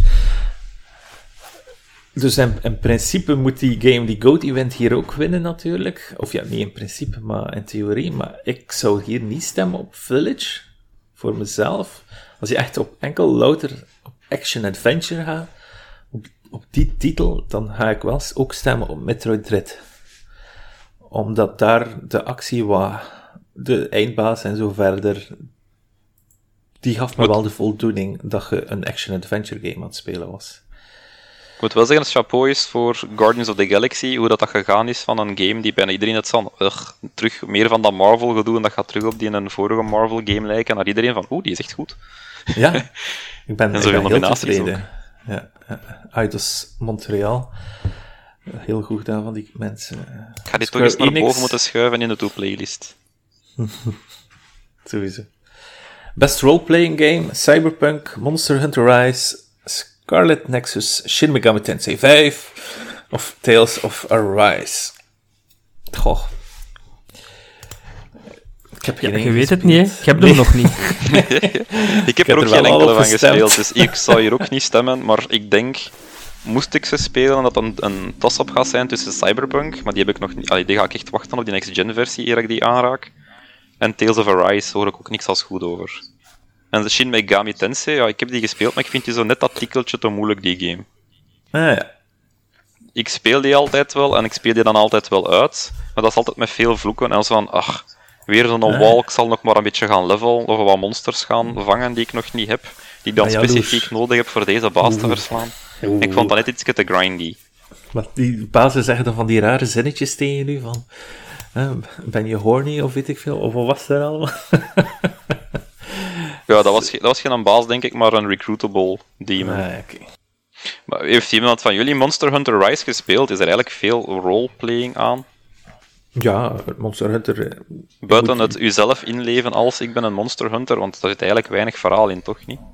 Dat is zo wat stats grinding en monsters jagen en meer stats grinding en rinse and repeat zo. Maar er staat op, dus for the best game designed with rich player character customization and progression, including massively multiplayer experiences. Grappig, hmm. including massive multiplayer experiences, zit er geen tussen. Nee, klopt. De, Monster Hunter Rise is wel natuurlijk een van de... Ja. is wel eentje dat je kunt uh, met meerdere mensen samenspelen. Ja, best fighting player customization focus zou ik eerder denken aan Cyberpunk dan. Ja, ja. ja, klopt. Uh, best Fighting Game, Demon Slayer, Guilty Gear Strive, Multi-Blood Type Lumina, Nickelodeon All-Stars Brawl, Virtua Fighter 5 Ultimate Showdown. Ik heb er drie van, uh, vier van gespeeld. Multiplot, Guilty Gear, Nickelodeon, Virtua Fighter heb ik gespeeld ervan. Ik kies voor Strife. Strife is een hele fantastische 2D fighting game. En makkelijker dan ik dacht uiteindelijk, dus daar ben ik wel blij om. En, uh, maar het is verdorie jammer dat het zo lang duurt voordat je de game kunt opstarten, want er zit een DMR, eh, DRM-controle op. Die duurt soms minuten voor je een match kan spelen en dat is verschrikkelijk. Um, dus ik hoop dat ze dat ooit aanpassen. Maar het heeft nog altijd mijn stem. Gewoon van de fantastische uh, engine die erachter zit en de, de art van de characters. Uh, ik denk niet dat jullie eentje van die die hebben gespeeld, maar... nee, inderdaad. Voor mij is voornamelijk Strife. Best Family Game. It Takes Two. Mario Party Superstars. New Pokémon Snap. Super Mario 3D World plus Bowser Fury. Of WarioWare Get It Together. Nintendo heeft vier van de vijf gehaald hier. Um, Tim. um, Wat was de vierde? Want ik dacht dat ik die uh, gekozen had. Want ik kan al even verder uh, gegaan. Super Mario 3D World. ah nee, ik heb voor WarioWare. Ik heb voor, ik heb voor WarioWare, ah, voor WarioWare gekozen. Ja. Ja, ja. Ik voor okay. Pokémon Snap. Ik, ik kies Bowser Fury. Dat vond ik geweldig. Dat denk zelfs dat dat in mijn top 5 gaat komen van games uiteindelijk. Omdat, om, dat ik heb hem zo... niet opnieuw, ja, ik heb hem niet gespeeld op uh, Switch. Ik had hem vroeger al gespeeld op uh, Wii U. Dus, heb je de, de DLC niet gespeeld, Bowser Fury? Nee, nee, nee. nee. Oh. je kunt oh, die standalone moet... niet kopen, hè?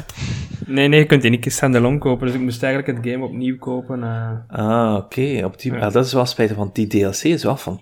Maar je kunt wachten tot aan Nintendo een goede discount doet, hè, Tim? Ja, ja wel in, in 2073 is blijkbaar uh, oh, ja. 15% op 3D eh, World. Uh. Je kunt altijd ja. hopen op een tweedehands kopieke ergens. In de ja, ja, of, natuurlijk. Of een Carrefour deal van 1 plus 1 gratis of 2 plus 1 gratis. Kun je misschien ook nog proberen, maar ja, ik snap het.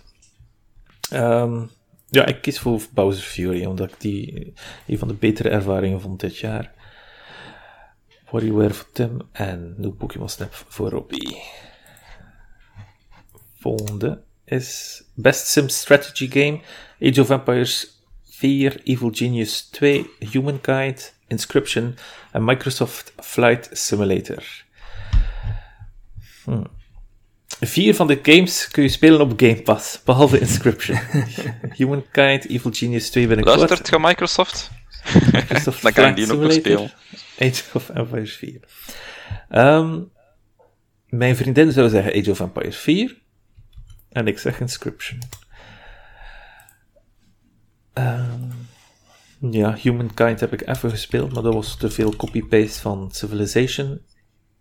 Microsoft Flight Simulator moet, was, ja. Het zou pijnlijk zijn voor Microsoft om deze categorie te verliezen, natuurlijk. Hè. Microsoft Flight Simulator is zo'n grote game en voor sommige mensen de beste ervaring ooit. En andere mensen zijn dan heel veel, erg onder de indruk van Age of Empires 4, maar ik denk dat die publieken te klein zijn om hun fout te laten helden. Ik denk dat Evil Genius 2 sowieso eruit valt, jammer hmm. genoeg. Uh, omdat er ook te weinig anime om is. Humankind, idem.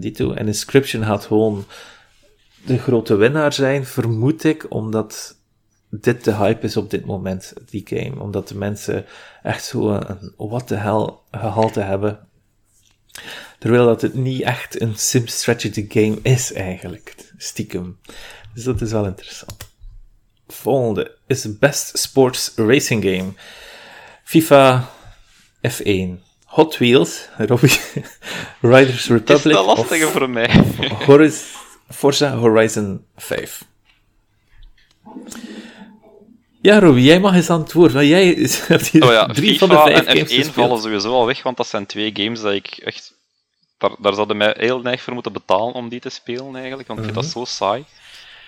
Maar dan die andere drie, ja, Forza Horizon heb ik nog maar al bij al vijf uur gespeeld nu. Dus, en ik moet zeggen dat ik hem, ja, het is, het is niet zoveel anders als Forza Horizon 4. En ik heb van de jaren in het begin al veel 4 gespeeld. Dus doet het voor mij niet zo heel erg veel. Maar tussen Unleashed en Riders Republic kan ik zo moeilijk kiezen. Ik, ik ga voor Hot Wheels Unleashed gaan, omdat het mijn een van mijn favoriete arcade games is, dat ik al mhm. gespeeld heb, arcade racing games is, dat ik ooit al gespeeld heb, staat op de derde plaats of zoiets all time. En dat is toch al iets dat, om dat te verwezenlijken. Maar dan tegelijkertijd Riders Republic, ik krijg het ook niet zo ver om te deinstalleren van mijn harde schijf. En, en Forza Horizon moet gespeeld worden. En toch ga, heb ik altijd naar Riders Republic van, allee kom, ik ga nog geen race doen of wat sterkers verdienen en naar die achievements grinden. Het is, het is echt een hele goede game. Ik was in het begin aan het twijfelen om hem lager te scoren. Uiteindelijk ben ik dan toch, omdat wij zo op onze site met een, een 5 sterren systeem werken, heb ik dan toch voor 4 sterren gegaan, omdat het dichter naar een 8 dichter naar een 7. Ja. Maar met dat ik het nog meer gespeeld heb en ook die online components beginnen testen ben en zo, vind ik het zeker een 8,5 of zoiets waard. Dus een heel goede game. Maar ja, Hot Wheels is mijn keuze. Toch ah, nog dat tikkeltje beter en permanenter. Dat is iets dat, dat waarschijnlijk nooit van mijn Xbox gaat geïnstalleerd worden. Wauw, oké, dat is wel heavy.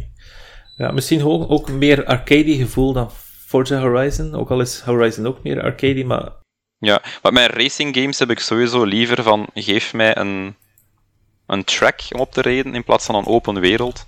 Want ik vind dat zo overweldigend altijd. Nu ja, Forza mm lost dat wel makkelijk op met die guides zo dat je kunt volgen. Tegenover andere open world racers. Ja, maar het doet niet echt iets nieuws en die Hot Wheels Unleashed is gewoon zo tof. Oké. En al mijn klachten die ik van de game had, hebben ze opgelost nu. In een update. Al die economy-problemen van geen gold of geen gears te krijgen, die hebben ze allemaal opgelost. En nu hebben ze een soort van. Um, in de meeste games moet je daarvoor betalen, voor zo'n, hoe noemt dat, een battle pass te hebben. Ja. En nu hebben ze hier een gratis battle pass aan toegevoegd en kun je elke dag races doen voor gears en gold te verdienen. Oké. En aanzienlijk wat zelfs, veel meer dan dat je in de main game kost verdienen. Hmm. Dus uh, ze hebben geluisterd naar u. yes! En de volgende categorie is Best Multiplayer, Back 4 Blood, Knockout City, It Takes Two, Monster Hunter Rise, New World en Valheim. Hier stem ik wel op It Takes Two, omdat het wel leuk is om te kopen met je partner deze game. Um, maar het zal wel een moeilijke categorie zijn, want Back 4 Blood heeft sommige mensen weer samengebracht. En Monster Hunter Rise is natuurlijk voor bepaalde communities ook erg belangrijk. New World, de MMORPG van Amazon, heeft ook wel menig mensen aangetrokken, maar ik denk niet dat er daar redelijk wat communities zijn gebouwd geweest. En Valheim, dat was zo'n spike in augustus, die heel veel Valheim nieuws, maar uiteindelijk is het toch wel redelijk uitgedoofd nu. Dus ik stem nog altijd voor het Takes-Two. Ehm, ja, ik denk niet. Oké, volgende categorie. Oké, best content creator. ik heb geen idee wie dat die mensen zijn. Nee, ik ken geen ene van die mensen. Dream, Fusely, Goals, eBay, Gref G. Ik ken er niemand van. Nee, sorry mensen. Ah, de volgende is wel interessant. Ah, moeten we iemand kiezen? Je kunt niet doorskippen zonder iemand aan te klikken, of wat? Bovenaan kun je gewoon naar next category gaan. Ah, daar wel, oké. Best debut indie, The Artful Escape, The Forgotten City, Kena, Bridge of Spirits, Sable en Valheim. Wat is... Hm. Ja, oké. Ah, oké. For the best debut game created by a new independent studio. Dus dit zijn games die door een nieuwe studio zijn gemaakt. Ik was al even aan het denken, wat is Die hadden we op de Belgian Game Awards trouwens ook, die award. Ah, Best debut. Dus dat is de eerste game van een, eer, van een nieuwe studio. Ja, dus de Artful Escape, Forgotten City, Kena, Sable en Valheim. Dat is wel een lastige. Um, Forgotten City had ook op redelijk wat mensen hun lijstjes uh, belanden, maar ik heb het zelf nog niet gespeeld. Dat is een, uh, een time loop game, waar je ontwaakt op een Grieks eiland, maar je bent eigenlijk van de hedendaagse tijd en je moet daar bepaalde mysteries oplossen en dan ontwaak je, als je ergens sterft, dan ontwaak je weer op datzelfde strand en dan uh, speelt ja, de time loop, hè, Groundhog Day, dan speelt zich alles weer opnieuw af. Uh, maar dan heb je wel weer nieuwe informatie natuurlijk. Uh, Sable ziet er nog altijd geweldig uit, maar om een of andere reden ben ik nog altijd niet gestart eraan. Ik denk omwille dat het te open is, dus ik, nou, dat het mij niet aantrekt. Um, The Artful Escape, het verhaal daarachter van die kerel. Hij was een succesvolle uh, musician. Hij heeft een, had een groepje in Australië. Uh, en die zei dan op een gegeven moment, weet je, ik stop met muziek uh, maken met die groep, want ik heb daar heel veel stress van. Ik, dat reizen en zo, ik kan er niet goed aan. Hij heeft dan begonnen met The Artful Escape. Heeft daar redelijk wat funding van gehad. Voornamelijk door Microsoft, had ik begrepen. En, en die is daar ook heel dankbaar voor. Heeft ook een geweldige naam als studio, Beethoven en Dinosaurs. En dan heb je Valheim. Ik stem denk ik op Kena, omdat het grafisch gezien toch wel heel chic eruit ziet, hè, Kena. Voor een nieuwe studio, ja. Uh, maar Sable heeft ook wel een aparte stijl, maar er zijn mensen die nog altijd klagen voor, door die framerate ja. natuurlijk. Hè. Ja, en het is ook best debut indie, niet best debut indie graphics of ja. De game zelf is eigenlijk redelijk saai, vond ik. Ah ja, kijk. Ja, Valheim is natuurlijk ook wel een topper. Uh, ja, het is een heel lastige categorie. Ik denk dat dit wel uh, een, een, een tie gaat zijn. Volgende is Most Anticipated Game. Oei, oei, oei. makkelijk. Ja, ik dat was bij mij toch wel makkelijk Elden Ring. Ja, bij ja, mij ook. ja, ja, bij mij ook. Maar, oh jee, zo erg. Elden Ring of de eerste plaats. Oké, laten we dan een tweede uitzoeken, want er zijn er nog Zelda? vier. God of War Ragnarok, Horizon Forbidden West, de sequel to The Legend of Zelda Breath of the Wild, of Starfield. Voor Tim- mij Zelda op 2 dan, ja.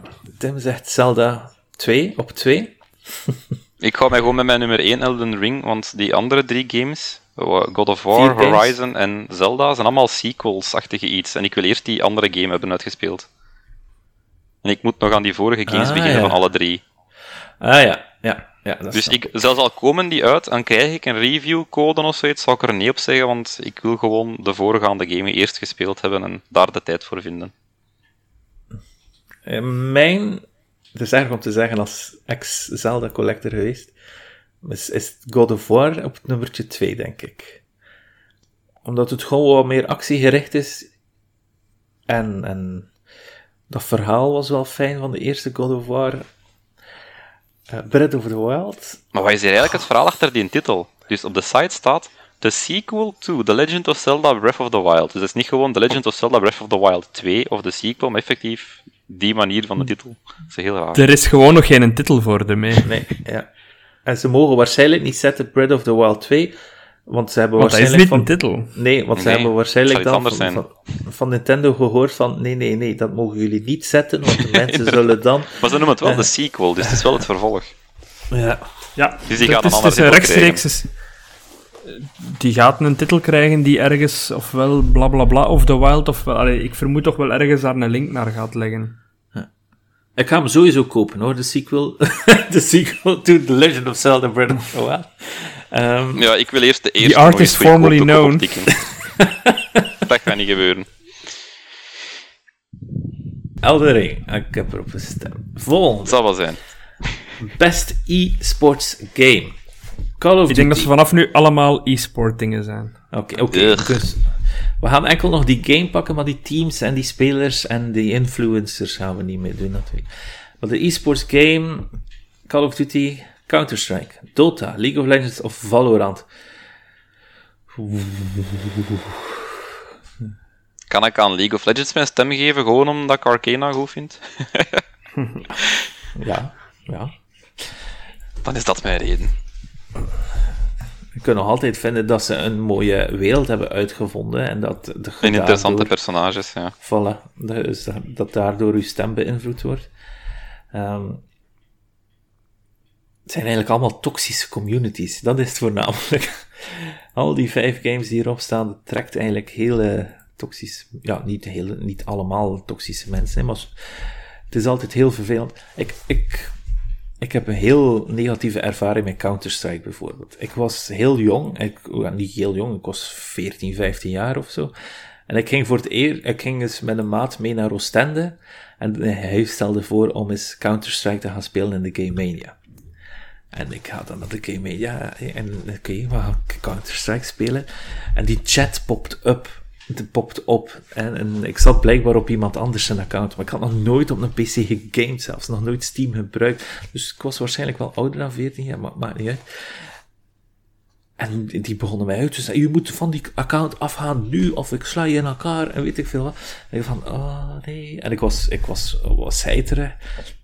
En sindsdien heb ik Counter-Strike nooit, maar ook nooit meer aangeraakt, omdat ik al zoiets had van, jezus, zo, onuitnodigend, die community. En sindsdien nooit meer Counter-Strike aangeraakt.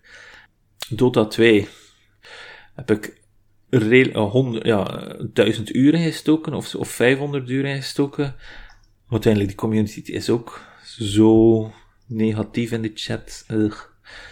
Ja, dat vind ik echt, echt, echt jammer. Dat zo'n game zo ondergedompeld worden door negatief ja, chats en weet ik veel. Ik weet niet waarom dat, dat is. Ik had het ook graag anders gezien. Uh, ik, ik stem op Dota, denk ik dan toch. Gewoon dat Dota... Ja, nee, ik ga niet... Nee, Blizzard is slecht bezig. Jee, dan zitten we dan ook weer met dat uh, Activision ook. Dus Activision Blizzard. Je kunt ook gewoon niet stemmen. dat gedaan. Riot Games is ook verschrikkelijk, blijkbaar, achter de schermen bij League of Legends. Daar zitten ook wel. En ah, Valorant is ook van Riot Games. Oké. Nee, dit is inderdaad misschien echt best om niet te stemmen. Goed, dat was het zeker zo ongeveer. E-sports coach, e-sports team, e-sports event. En wat was nog? Nog iets? E-sport athlete. Ja, wel. Boeit niet. Nee, klopt. Uh, is goed voor hun verwezenlijk natuurlijk dat ze ertussen staan, maar dat is om een, een Ik vind het altijd raar om in een Game Awards te zetten. Je bent zo games aan het vieren, niet de mensen niet spelen, vind ik. Ja. Allee, die mogen gerust gevierd worden, maar dat is zo voor mij een heel andere categorie van, van nee, awardshow. De, de Game Awards zijn niet de Gamer Awards. Snap je? Voilà. Als nu de Gamer Awards geweest zijn, ja, dat kun je nog zeggen, want effectief in de titel staat de Game Awards, niet de Gamer Awards. Ja.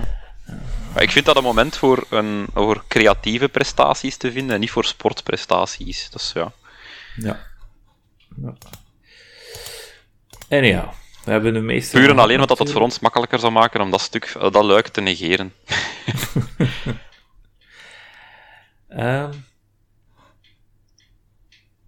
Oké, dan gaan we even overgaan naar het volgende nieuwtje, of het volgende grote nieuwtje, want voor de rest was er niet veel geannounced deze week. Um, dat is de Xbox 20th anniversary, maar Robbie, daar ga ik even de sleutels aan jou doorgeven. Ja, uh, op zich was er niet zo heel veel te beleven. Um, Ze hebben een nieuwe documentaire aangekondigd die in december gaat uitkomen, dat ik wel half en half wil zien, maar ook niet te zeggen dat ik er neig hyped over ben of zoiets. Uh, ze hadden eigenlijk maar twee grote nieuwtjes om aan te kondigen. En dat was uh, dat er 70 nieuwe backwards compatible titles zijn, waaronder vier alle games, Max Payne alle games uh, en nog een paar bekende. Een te mhm. groot lijstje om op te noemen. persoonlijk was ik blij dat Nier ertussen stond, dus niet de remake dan, maar de originele 360-versie. Ja. en teleurgesteld dat Eternal Sonata, dat is zo letterlijk de enige fysieke game die ik nog bezit die dat ik niet kan draaien op mijn huidige generatie consoles. Dat die er niet tussen zat, want mijn 360 is weggegeven. Uh, en ik denk dat deze dan hetzelfde mee zal gebeuren, want ze hebben ook aangekondigd dat er geen enkele nieuwe backwards compatible game meer bij komt nu. Dus ze hebben echt alles uitgeput wat dan mogelijk is qua rechten en, en coding en zo. Mhm. Dus deze laatste 76 nieuwe titels is het wel. Ja. Maar ja, ja, zijn toch zeker wel mensen blij, vooral met Max Payne 3 heb ik veel goeds over gehoord. En Otogi zit er ook tussen. Dus de, de oude From Software titels die uitgegeven zijn door Sega. 4 heb ik ook een hele goede herinnering aan. Dat was echt een geweldige shooter. En het zaten daar bepaalde guns in die, die heel creatief waren. Die nagelgun bijvoorbeeld, die was cool in het vroeger. Een hele mooie lijst, maar natuurlijk zijn er nog altijd mensen die bepaalde titels. En tenzij ik mij vergis, geen Burnout 3 Takedown. Geen Burnout, geen. Uh, uh, vervolg, dat vervolg die op Xbox uitgekomen is, dat graffiti-spel met dat skaten. Uh, Jet Set Radio Future zit er ook niet tussen. Uh, wat heel veel mensen gevraagd hebben. Maar Sega heeft bijna alles teruggebracht, behalve Jet Set Radio Future. maar bijna echt alles. Hè. Dus ik denk dat daar echt gewoon licensing, licensing issues is. Ja, en het grootste nieuws eigenlijk, maar dat was bij, door iedereen al gespeculeerd, was dat de Halo Infinite multiplayer ah. kon spelen op het einde van de show. Ja, ja, dat is van, je kunt het nu spelen, maar we hebben het er al over gehad in het begin van de aflevering. Mhm. Eh, ik weet niet of dat we het vermeld hebben, maar die is blijkbaar wel gratis. Free-to-play ook voor mensen die geen ehm, Game Pass hebben. Ja. Dus dat vind ik wel een interessante approach. En een Battle Pass die niet zichzelf terugverdient. Dat vind ik ook wel interessant. Dus in de meeste games die ik speel, zoals Apex Legends of uh, Fortnite bijvoorbeeld, maar dat speel ik niet. Maar als je een Battle Pass complete, dan heb je je geld eigenlijk terugverdiend. Um, dan krijg je om de zoveel Battle Passes, hè, dus om de zoveel uh, punten of hoe, hoe dat of XP, krijg je bijvoorbeeld 1 euro terug van je 10 euro inleg. Maar dan noemen ze geen euro's, maar coins of credits of weet ik veel wat, of gold. Dan krijg je eentje terug. En als dan de nieuwe terug opnieuw de, het volgende seizoen begint met de volgende Battle Pass, dan moet je opnieuw 10 euro of 10 gold of 100 credits betalen. Maar in, in Halo kun je hem niet terugverdienen. Dat is wel interessant. Dat, eh, dat is een gewaagde zet van Microsoft, vind ik persoonlijk. Ik heb mij wel al laten gaan, ik heb er al in gekocht. Maar ja, omdat het ook gewoon een gratis multiplayer game is eigenlijk. Dus ik dacht van, ja, ik kan toch moeilijk hier. Oh, zo gechoqueerd dat gratis spelen. Nee, nee. maar ik vind het een goede game. Uh, gaan jullie hem, uh, of uh, Robbie, ga jij hem spelen? Nee. ik heb echt hmm. zero hype voor Halo games. Ik heb alleen de 3 gespeeld. Ja? Um, de multiplayer alleen lokaal zo, een keer als er vrienden langskomen of zo. En dat vond ik nog min of meer wel wat plezant. Ja. Maar nooit online. Ik ben zo geen online gamer. Ja. En die singleplayer campaign, die vond ik ook al niet echt interessant, te zeggen. Ik heb de eerste Halo games wel gespeeld, ook al heb ik nooit een Xbox gehad. En toen waren die echt vernieuwend. Vooral grafisch en wat je erin kon doen en zo. En die, die physics dat erin zaten, die waren allemaal redelijk goed gedaan. Dat ik altijd dacht van, ah wel ja, dat, dat zit er in de nieuwe generatie van games uit. Maar ik vind eigenlijk dat ze sindsdien niet meer innovatief geweest zijn. Mm -hmm. wat haal ik uit een Halo Infinite uh, multiplayer dat ik niet haal uit een van mijn favoriete multiplayer shooters, dan Titanfall? Nee, dat klopt. Je hebt gelijk daarin, maar de community verhuist iedere keer en dat is het gewoon. Hè. Um, ja, in mijn geval verhuizen we dan gewoon naar singleplayer games. Ja, ja. Nu, uh, qua nieuws waren er ook wel nog wat dingetjes te winnen. Uh, bij Xbox vind ik het altijd wel zeldzaam om mensen te zien in Europa die dingen winnen. Dat zo precies van, ja, ja, het is open voor iedereen, maar als je achter de schermen kijkt, lijkt me toch heel vaak dat het Amerikanen zijn die met alles gaan lopen. Ja. Um, je hebt Xbox Vault.com, dat is met die nieuwe Netflix-show uh, van, allee, die nieuwe Netflix-film van The Rock daar. Dat was een beetje cringeworthy ook, die The Rock-verwijzingen soms. Ook al kan ik die mens zelf wel goed verdragen. En is dan een echte gamer, vind ik dat wel tof en zo. Dan moet hij zo altijd van die ingeoefende zinnetjes zeggen voor Xbox. En dat vind ik zo... Ik zou net iets doen, moest ik daar ook zijn. Uh, en dan die xboxvault.com kun je dan naartoe gaan en dan hebben ze allemaal relics dat je kunt aanklikken. En ik weet niet of het een fout op de website is of zoiets, maar ik, gewoon met een tijd die, mij, die er mij beschikbaar is, kan ik er maar maximum 12 aanklikken van de, wat is het, 40 items of zoiets dat er mhm. zijn, puur op de tijd. En ik weet op voorhand, dat je kunt zoveel keer opnieuw spelen als dat je wilt. Ik weet alle vragen en antwoorden al, en het antwoord is trouwens 90% van de keer een antwoord A. Wat dat zo echt raar is, dat viel me op. Uh, en dat, hoe snel dat je ook doorklikt, kun je er maar 12 aanklikken of zoiets. Of dat ligt aan mijn gebrek aan internetsnelheid. Uh, en dat brengt mij naar een ander frustratieke. Uh, eerder deze week was er een quiz van Xbox Fanfest. Dus dat was zo'n trivia quiz met tot 50.000 mensen die kunnen meedoen. Ze hebben nu wel nooit gezegd hoeveel er effectief meegedaan hebben. Mhm. Maar ja, je moest je gewoon inschrijven op de Fanfest-site. En dan kreeg je de trivia-vragen. Dat was elke keer een ronde van vijf vragen. Uh, je kreeg 100 punten voor een juist antwoord en tot 50 punten voor daar snel op te antwoorden. Die eerste ronde heb ik overleefd, verrassend genoeg, want ik denk dat ik daar maar acht of zo van de 15 vragen in totaal van de drie ronden uh, juist had. Want dat waren echt moeilijke vragen, gelijk uh, hoe lang bestaat het concept voor Starfield al? Niet van wanneer is het aangekondigd, maar niet hoe lang bestaat dat idee al? En dat was blijkbaar 25 jaar lang al. Ja, omdat, dat, omdat dat... Ah, ja, echt moeilijk. Oh, ja, ja.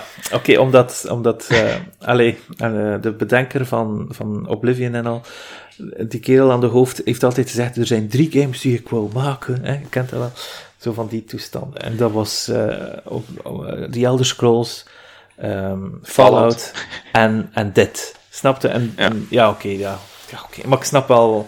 Wel, zo zaten er heel veel redelijk moeilijke vragen tussen, vond ik. Uh, mm En dan ben ik met Hak over de sloot er toch nog bij die 2500 naar de volgende ronde mogen gaan. Maar dan vond ik het heel raar. In die volgende ronde heb ik supersnel geantwoord, toch naar mijn kunnen, maar ik heb de timer niet gecheckt. Ik was op mijn telefoon aan het checken en die timer zat van boven in beeld, dus ik kon die niet tegelijkertijd zien, want ik moest elke keer drap naar beneden scrollen voor het antwoorden. Ehm, en ik had 9 van de 10 juist in die tweede ronde en redelijk snel op geantwoord en dan was ik er niet bij. Hm. En dat vond ik heel raar, want elke keer als ik dan een juist antwoord had, zag ik zo 44% van de mensen heeft dit juist of zoiets. Of 33% heeft dit juist. Ik dacht van, oh, er gaan veel afvallers zijn. En ik was er dan niet bij. Uh, en dan ben ik blijven verder spelen. En dan viel mij een frank van waarom dat ik misschien weinig, veel punten kwijt was. En dat is, uh, ik was er nog uh, van de twee rondes. Van de tweede ronde was ik nog vraag 4. Dus dat is eigenlijk vraag 9 van de 10 in totaal. Aan het beantwoorden. Als ik op de achtergrond de show gewoon weer hoorde hervatten van. En dat was het dan. Dus wij zaten hier ofwel met een gigantisch grote delay en we hebben die punten niet toegekund gekregen in Europa. Ah, ja. Of het lag aan mijn browsersnelheid, maar dat zou wel raar zijn, want ja, ik zit met datzelfde internet ook gewoon naar in een show te luisteren, dat daar een, vertraging op zou zitten. Mm Maar dat was wel leuk om te doen, zo die vraagjes beantwoorden en zo. En dan kregen de, uh, voor top 2500 te worden, kreeg je 10 euro waardebon voor in een gearshop. Want aan die vis ga ik me niet meer laten vangen, want dan moeten gewoon meer importkosten betalen als iets anders. Ja, die, aan die haak laten ze mij niet meer hangen. ik heb gewoon al direct op de Xbox NL uh, eh, Discord gezegd van wie moet dat hier hebben, die code. Um, dus ja, dat was het zo'n beetje. En nu is er ook trouwens... Uh, een nieuwe wedstrijd gestart, ook gewoon via die FanFest-site. en dan kun je een ganse game room winnen. En dat zou wel handig zijn, want dan, ik heb hier nog een zolder dat in te richten valt, en dan mogen ze gerust niet afkomen. Maar again, ik zou het mij heel erg... Ik zou heel erg verrast zijn moest iemand buiten Amerika dat winnen. Het is zo een Amerikaans bedrijf, Xbox, dat opzet met een Amerikaanse partner, ah, een Amerikaanse builder. Die gaan echt niet de oceaan overvliegen voor mijn kamer hier te komen remodelleren. Nee, Nee, volledig akkoord. Voor, ja, moesten ze nu eh, handen in slaan? Ze konden, ja, eigenlijk moeten ze gewoon de handen in elkaar slaan met IKEA. En één in Europa en één in Amerika. En dan zijn ze er vanaf. En hoeveel kost dat? Zo'n IKEA gaming. In Bel België bestaat sowieso al bijna niet voor hun, want we kunnen zelf die een fridge niet kopen hier. Er is nog één nieuws, nieuwtje vers van de pers. En ik heb het al een paar keer gehad over Activision Blizzard, wat dat daar aan de hand is. Maar ik wil het toch nog even beter uitgelegd zien, of ja, horen op de podcast eigenlijk. Ik denk, Tim, ik denk dat jij dat misschien dat beter kan vertellen voor mij, want ik, ik ben er ook nog niet volledig over uit. Wat is er dan nu eigenlijk allemaal aan de hand? Wel, ik ga mijn best doen. Ehm, maar het is zo dat de Wall Street Journal een paar uur geleden een artikel heeft gebracht. Uh, waarin staat dat uh, Bobby Kotick, de CEO van Activision Blizzard. Uh, ja, niet alleen zelf, want dat was zelf al niet onbesproken, dus niet alleen zelf uh, een aantal keer aangeklaagd is door vrouwen voor zijn uh, gedrag, zeker in uh, seksuele zin, zowel binnen als buiten de werkplek, oh. maar dat hij bovendien verschillende zaken intern binnen Activision heeft, ja, zowel onder het matje gelegd als ja, proberen settelen zonder dat de board of directors erover wist. Het ging onder andere over Dan Bunting, medehoofd van Treyarch, dus die Call of Duty maakt. Die is tweemaal aangeklaagd voor sexual harassment en daar is een intern onderzoek gebeurd binnen uh, Treyarch. Daar is uh, van buiten gekomen, dus er is bekend geworden dat het inderdaad zo zou zijn met het advies om hem te ontslagen. Um, en dat is dan niet gebeurd. Uh, Cotex zou daar persoonlijk uh, tussen gekomen zijn om dat te voorkomen. Um, daarnaast is er ook het verhaal van um, een vrouw die uh, zegt dat ze door een employee van Sledgehammer Games, wat ook binnen Activision valt, uh, verkracht zou zijn. Um, en ook hier uh, zou hij, zonder de board of directors te contacteren, zou hij dat uit, dus eigenlijk ja, rechtstreeks met haar laten contact opnemen hebben om dat uh, ja, out of court te settelen, zoals dat in de VS heet. Namelijk, dus voor een bepaald bedrag uh, te settelen. Dus zonder dat daar ja, de rest van het bedrijf van op de hoogte was. Ja. Ehm, dus het zijn een, een hele hoop allegations die naar buiten zijn gekomen. En ik denk dat, ja, hij zat al niet zo goed in het zadel. Mhm. uh, en dat dat enkel en alleen zijn positie wankelder maakt. En het is ook zo dat, terwijl dat we nu aan het opnemen zijn, het personeel, of een deel van het personeel, uh, een walkout heeft gedaan. Dus uh, dat ze eigenlijk, ja, naar buiten gaan uit het bedrijf om op te komen voor hun rechten en zeggen dat, het, dat ze niet akkoord zijn met hoe hun bedrijf, Activision, dat uh, gedaan heeft. Ze hadden beter een paar maanden geleden walkout gedaan, terwijl dat Call of Duty nog volledig uh, in de maak was. Ja. En, en ja, ik zeg net van het wankel zijn, maar ik lees nu van een, een half uurtje geleden dat uh, de Activision Board of Directors een statement heeft gedaan waarbij ze zeggen dat ze het vertrouwen in het leiderschap van Bobby Kotick bewaren. Oh nee, is oh. Ja. The Activision Blizzard board remains committed to the goal company and the industry, uh, to the goals. Wacht een secondje, ga ik hem even voorlezen. Uh, Activision Blizzard board of directors have now issued a statement uh, saying the Activision Blizzard board remains committed to the goal of making Activision Blizzard the most welcoming and inclusive company in the industry. Under Bobby Kotick's leadership, the company is already implementing industry-leading changes, including a zero-tolerance harassment policy, uh, dedication to achieving significant increase to the percentage of women and non-binary people in our workforce, and significant internal and external investments to accelerate opportunities for diverse talent. The board remains confident that Bobby Kotick appropriately addressed the workplace issues to, uh, brought to his attention. Dus ja, we zullen zien hoe dat zich de komende dagen uh, verder zet. Ja, het is enkel maar, die board interesseert enkel maar hun portemonnee uiteindelijk. Hè. Ja, ja. Uh, kan er heel weinig aan toevoegen, enkel dat het natuurlijk erg verschrikkelijk is. Ik heb ook gehoord dat er een vrouw na twee maanden vertrokken is, omdat ze um, niet dezelfde paygrade had zoals haar uh, co, ja, co-baas, denk ik, die dan wel een man was. En die heeft uh, ook het bedrijf verlaten. Dat was ook een, een kleine Twitter-thread die ik heb zien passeren. Dus het, er is daar weer redelijk wat aan de hand. Wat, wat ik wel eigenlijk al eerst had gedacht, was dat het eigenlijk voornamelijk bij Blizzard was dat al de problemen zit. Maar blijkbaar is het ook nu bij Activision aan het licht gekomen. En het is ja, ze spreken over Treyarch en over Sledgehammer. zijn toch al twee totaal andere studios ook nog. dus, uh... Ja, dus, dus, dus het is over de grote lijn. Natuurlijk niet vergeten, dat gebeurt waarschijnlijk wel in veel meer bedrijven dan enkel Activision Blizzard. Maar dat betekent niet dat het mag gebeuren, natuurlijk. Uh, Ja, het is, het is eh, ja, verschrikkelijk nieuws en ik kan er nog weinig over toevoegen, natuurlijk. En ik kan hoop... er nog iets aan toevoegen. het was een beetje minder mijnen dat daar, dus ik was terwijl even door Twitter aan het scrollen, wel nog aan het luisteren. Ja? En ik krijg een promoted ad van Activision Blizzard. Ik ga hem even voorlezen. We are listening and taking action. Our ambition is to make Activision Blizzard the most welcoming and inclusive workplace in our industry, with a strict zero tolerance policy for harassment and discrimination of any kind. Ja. Iets, iets, ik weet niet of dat een reactie is op wat er nu gebeurd is, dat die nog gewoon op voorhand al geprogrammeerd stond, die advertentie, dat dat nu naar buiten komt. dat is wel heel rare timing. Ik denk dat dat, dat dat net de juiste timing is, dat ze waarschijnlijk dat naar voren hebben geschoven een paar honderdduizend tegen Twitter uh, betaald om, om die tweet te highlighten voor iedereen die een beetje in de gaming space zit. Zou mm -hmm. verbazen. Hm. Ja, maar je weet dat dat backfired, zoiets. Ja, hopelijk. hopelijk, dat Bobby. Uh, ik zal alvast geen Call of Duty spelen. Voilà. Nee. Uit protest. ah, wel, ik ga hem niet reviewen. Ik was de Vanguard aan het spelen, maar ik zal er geen review voor neerpennen. Nee, ik heb trouwens de code toch niet gekregen, dus... Oké, okay. Maar goed, dan gaan we even naar wat luchtiger nieuws. De Bel 10, onze 10 minuutjes van de, Bel in, uh, van de Belgische game-industrie.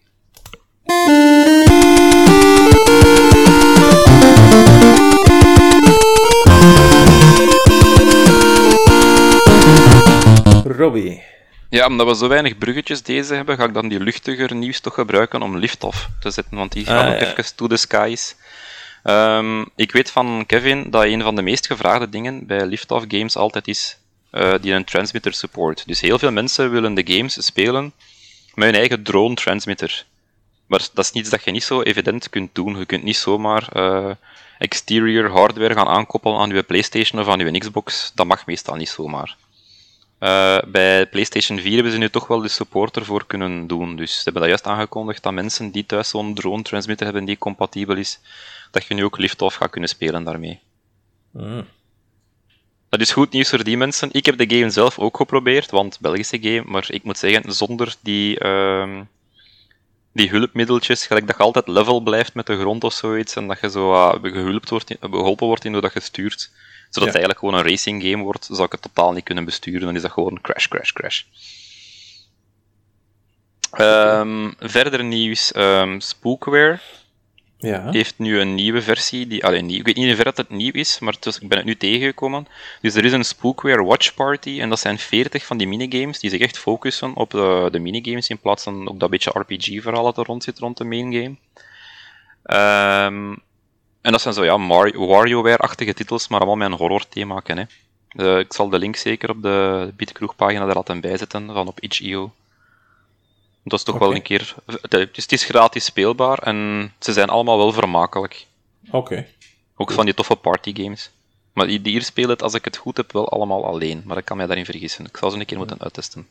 Oké. Ook uit te testen, maar het is alleen nog maar in beta.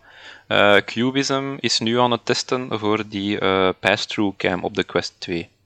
En ik zie dat er een paar games daar gebruik van maken, maar Cubism is er eigenlijk perfect voor. Um, in, wat betekent dit? In plaats van dat je de in-game wereld ziet, waarin dat je dan aan het roteren bent en je puzzeltje aan het oplossen of zo, zie je gewoon de echte wereld en wordt dan de puzzel als overlay erop weergegeven. Wat heeft dat als groot voordeel dat je niet in één keer de, de, ogen van je kinderen uitsteekt als die voor je gezichtsveld lopen zonder dat je ziet ja. aankomen en dat je die een klop verkoopt of zoiets. uh, of dat je eigenlijk gewoon een je kunt een tas koffie drinken terwijl je de game aan het spelen zet zonder dat je je koffie omver smijt. Ja. What's more to like? Uh, wat ik tof vond ook, is dat Battle Sage terug wat actiever lijkt te worden. Dat, is, uh, dat gaat waarschijnlijk een hele grote debuut-game van een debuut-studio worden bij de Belgian Game Awards ooit. Van Tovenaar Games. En dat is een van de Belgische games die ik al het meest zien viraal gaan heb van alle Belgische indies eigenlijk. Mhm. Ehm, ze hebben nog niet zo heel veel gedeeld. Maar wat dat heel veel mensen zo warm maakt voor de game, is die uh, flight controls. Dus je speelt eigenlijk een beetje gelijk een, ja, een Battle Sage, dat is een titel van de game. Maar zo, als je kijkt naar Naruto bijvoorbeeld, als hem zo in zijn full Sage mode gaat en door de lucht zoeft en zoiets. Deze kan eigenlijk gewoon door de lucht knallen, gelijk een F-16, uh, als je hem erdoor laat vliegen. En dat ziet er ook geweldig tof uit, dat die, die wereld tegen die snelheid voorbij flitst. Ja, ja, ja. Het heeft ook een heel toffe, zo bijna cel-shaded style. Dat ik wel heel goed kan smaken. En die moeten eigenlijk gewoon maar een filmpje delen van een minuut gameplay, zonder er al te veel aan te editen of ze, ze laten ze toch zo moeiteloos lijken, maar dat kan ook altijd achter de schermen wel aan wat geknutseld zijn. En dat krijgt direct duizenden likes. En dat is echt een hele coole game. Absoluut. Zo echt het, type, het type titel waar ik zelf wel heel graag aan zou werken voor social media te doen. Zo dingen die mm. zichzelf praktisch verkopen. Uh, maar er is niet zo heel veel Belgisch nieuws, dus ga ik gewoon nog eens van de, de gelegenheid gebruik maken om de reminder te zeggen dat er op 25 november de nieuwe Big Brotaru doorgaat in Brussel. Mhm. En voor iedereen dat de Belgische games een keer in actie wil zien, zelf wil spelen of op het podium gepresenteerd ziet worden door de developers, moet je daar zeker voor inschrijven als een gratis evenement. Ja. En dat is een heel leuk moment om de Belgische devs te, een keer in persoon te zien, aan te spreken en daar aan een klap mee te geraken. Super cool dat is waarschijnlijk misschien wel eentje waar ik een keer naartoe kan. Ja, dan zullen we elkaar daar zien. Want ik ga heel veel moeite doen om te proberen gaan. De dag nadien ben ik jarig, dus ik hoop dat niemand iets voor mij gepland heeft, de 25 november. Maar ik zal het overal in mijn zichtbare kalender zetten, dat ze dat zeker me rust laten. Oké dan. Dat was het dan? Dat was het voor de belteam. Oh, cool. Nu, hadden we een luistervraag vorige keer, en dat is, welke game zou van jou een extra DLC-pack mogen krijgen? Eerst even onze antwoorden overgaan. Tim, waar heb je yes. aan gedacht? ik had het vorige keer al gezegd, voor mij zou dat uh, Demon's Souls zijn. Ah ja, die final level die er niet uh, in het oorspronkelijk spel in zat, die zouden van mij mogen gerestored worden als een uh, DLC. Ja, Robbie? Ja, bij mij is eigenlijk hetzelfde antwoord als vorige week voor de beste soundtrack. Uh, die een Final Fantasy Theater Rhythm, daar mogen ah, ze ook oneindig lang nieuwe content voor uitbrengen. En als runner-up ook een rhythm game, Avicii Invector, dat echt al zijn liedjes erin staan. Ja. Um, voor mij zou het uh, Return of the Obra Dinn mogen zijn. Of Return to the Obra Dinn. Uh, omdat dat een geweldige game is. Maar misschien zo een, een, een kleine sequel DLC met wel extra uh, bladzijden zou ik ook wel heel leuk vinden. Uh, en wat nieuwe mysteries opzoeken. Hoe dat je bijvoorbeeld ja, je eerste mo ja, moord onderzoeken of iets dergelijks. Hoe dat jij die job hebt gekregen.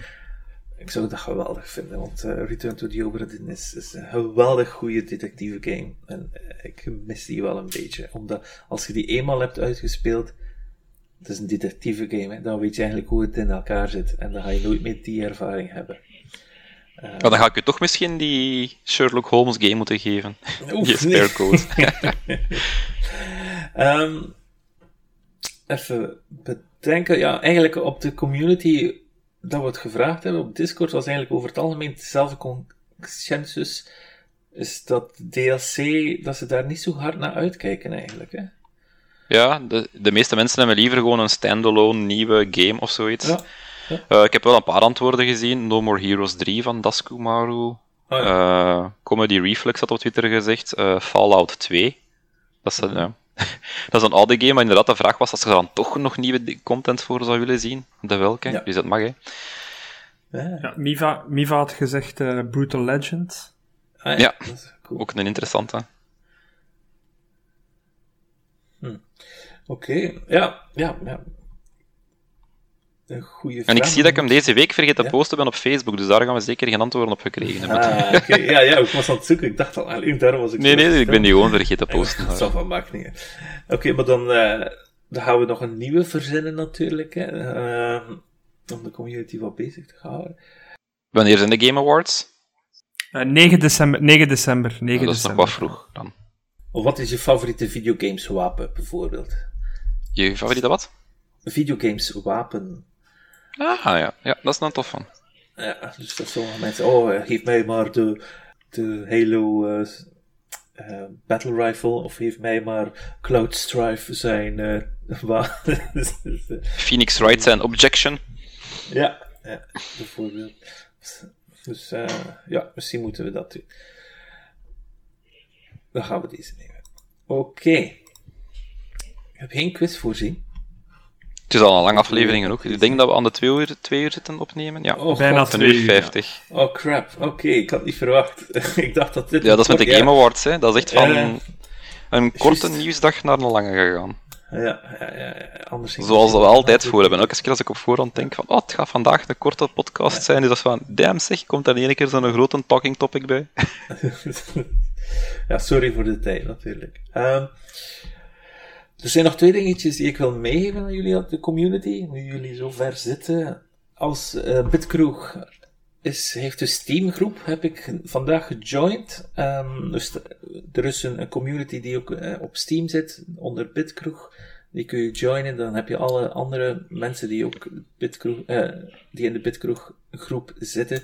Dan kun je een beetje zien welke games aan het spelen zijn. Kun je misschien zelf meejoinen in bepaalde games. Lijkt wel leuk om die community daar wat uit te bouwen. En uh, iemand op de Discord heeft dan ook nog op Forza een Bitkroeg Racing Club gemaakt.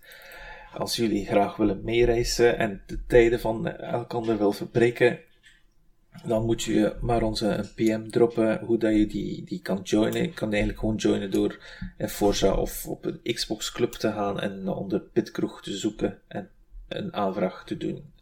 Die onderhouden wij niet, die, die groepen die zijn gemaakt door, door fans van Bitkroeg eigenlijk. Dus, uh, dus uh, daar hebben wij geen curatie in, jammer genoeg. Uh, dus als er iets is, hou ons zeker op de hoogte daarvan. Um, Bitkroeg zelf kun je volgen op Twitter en op Facebook. En je kan ons ook wat leuk gaan zijn. Uh, we zitten bijna met, uh, met aflevering 50 in aantocht.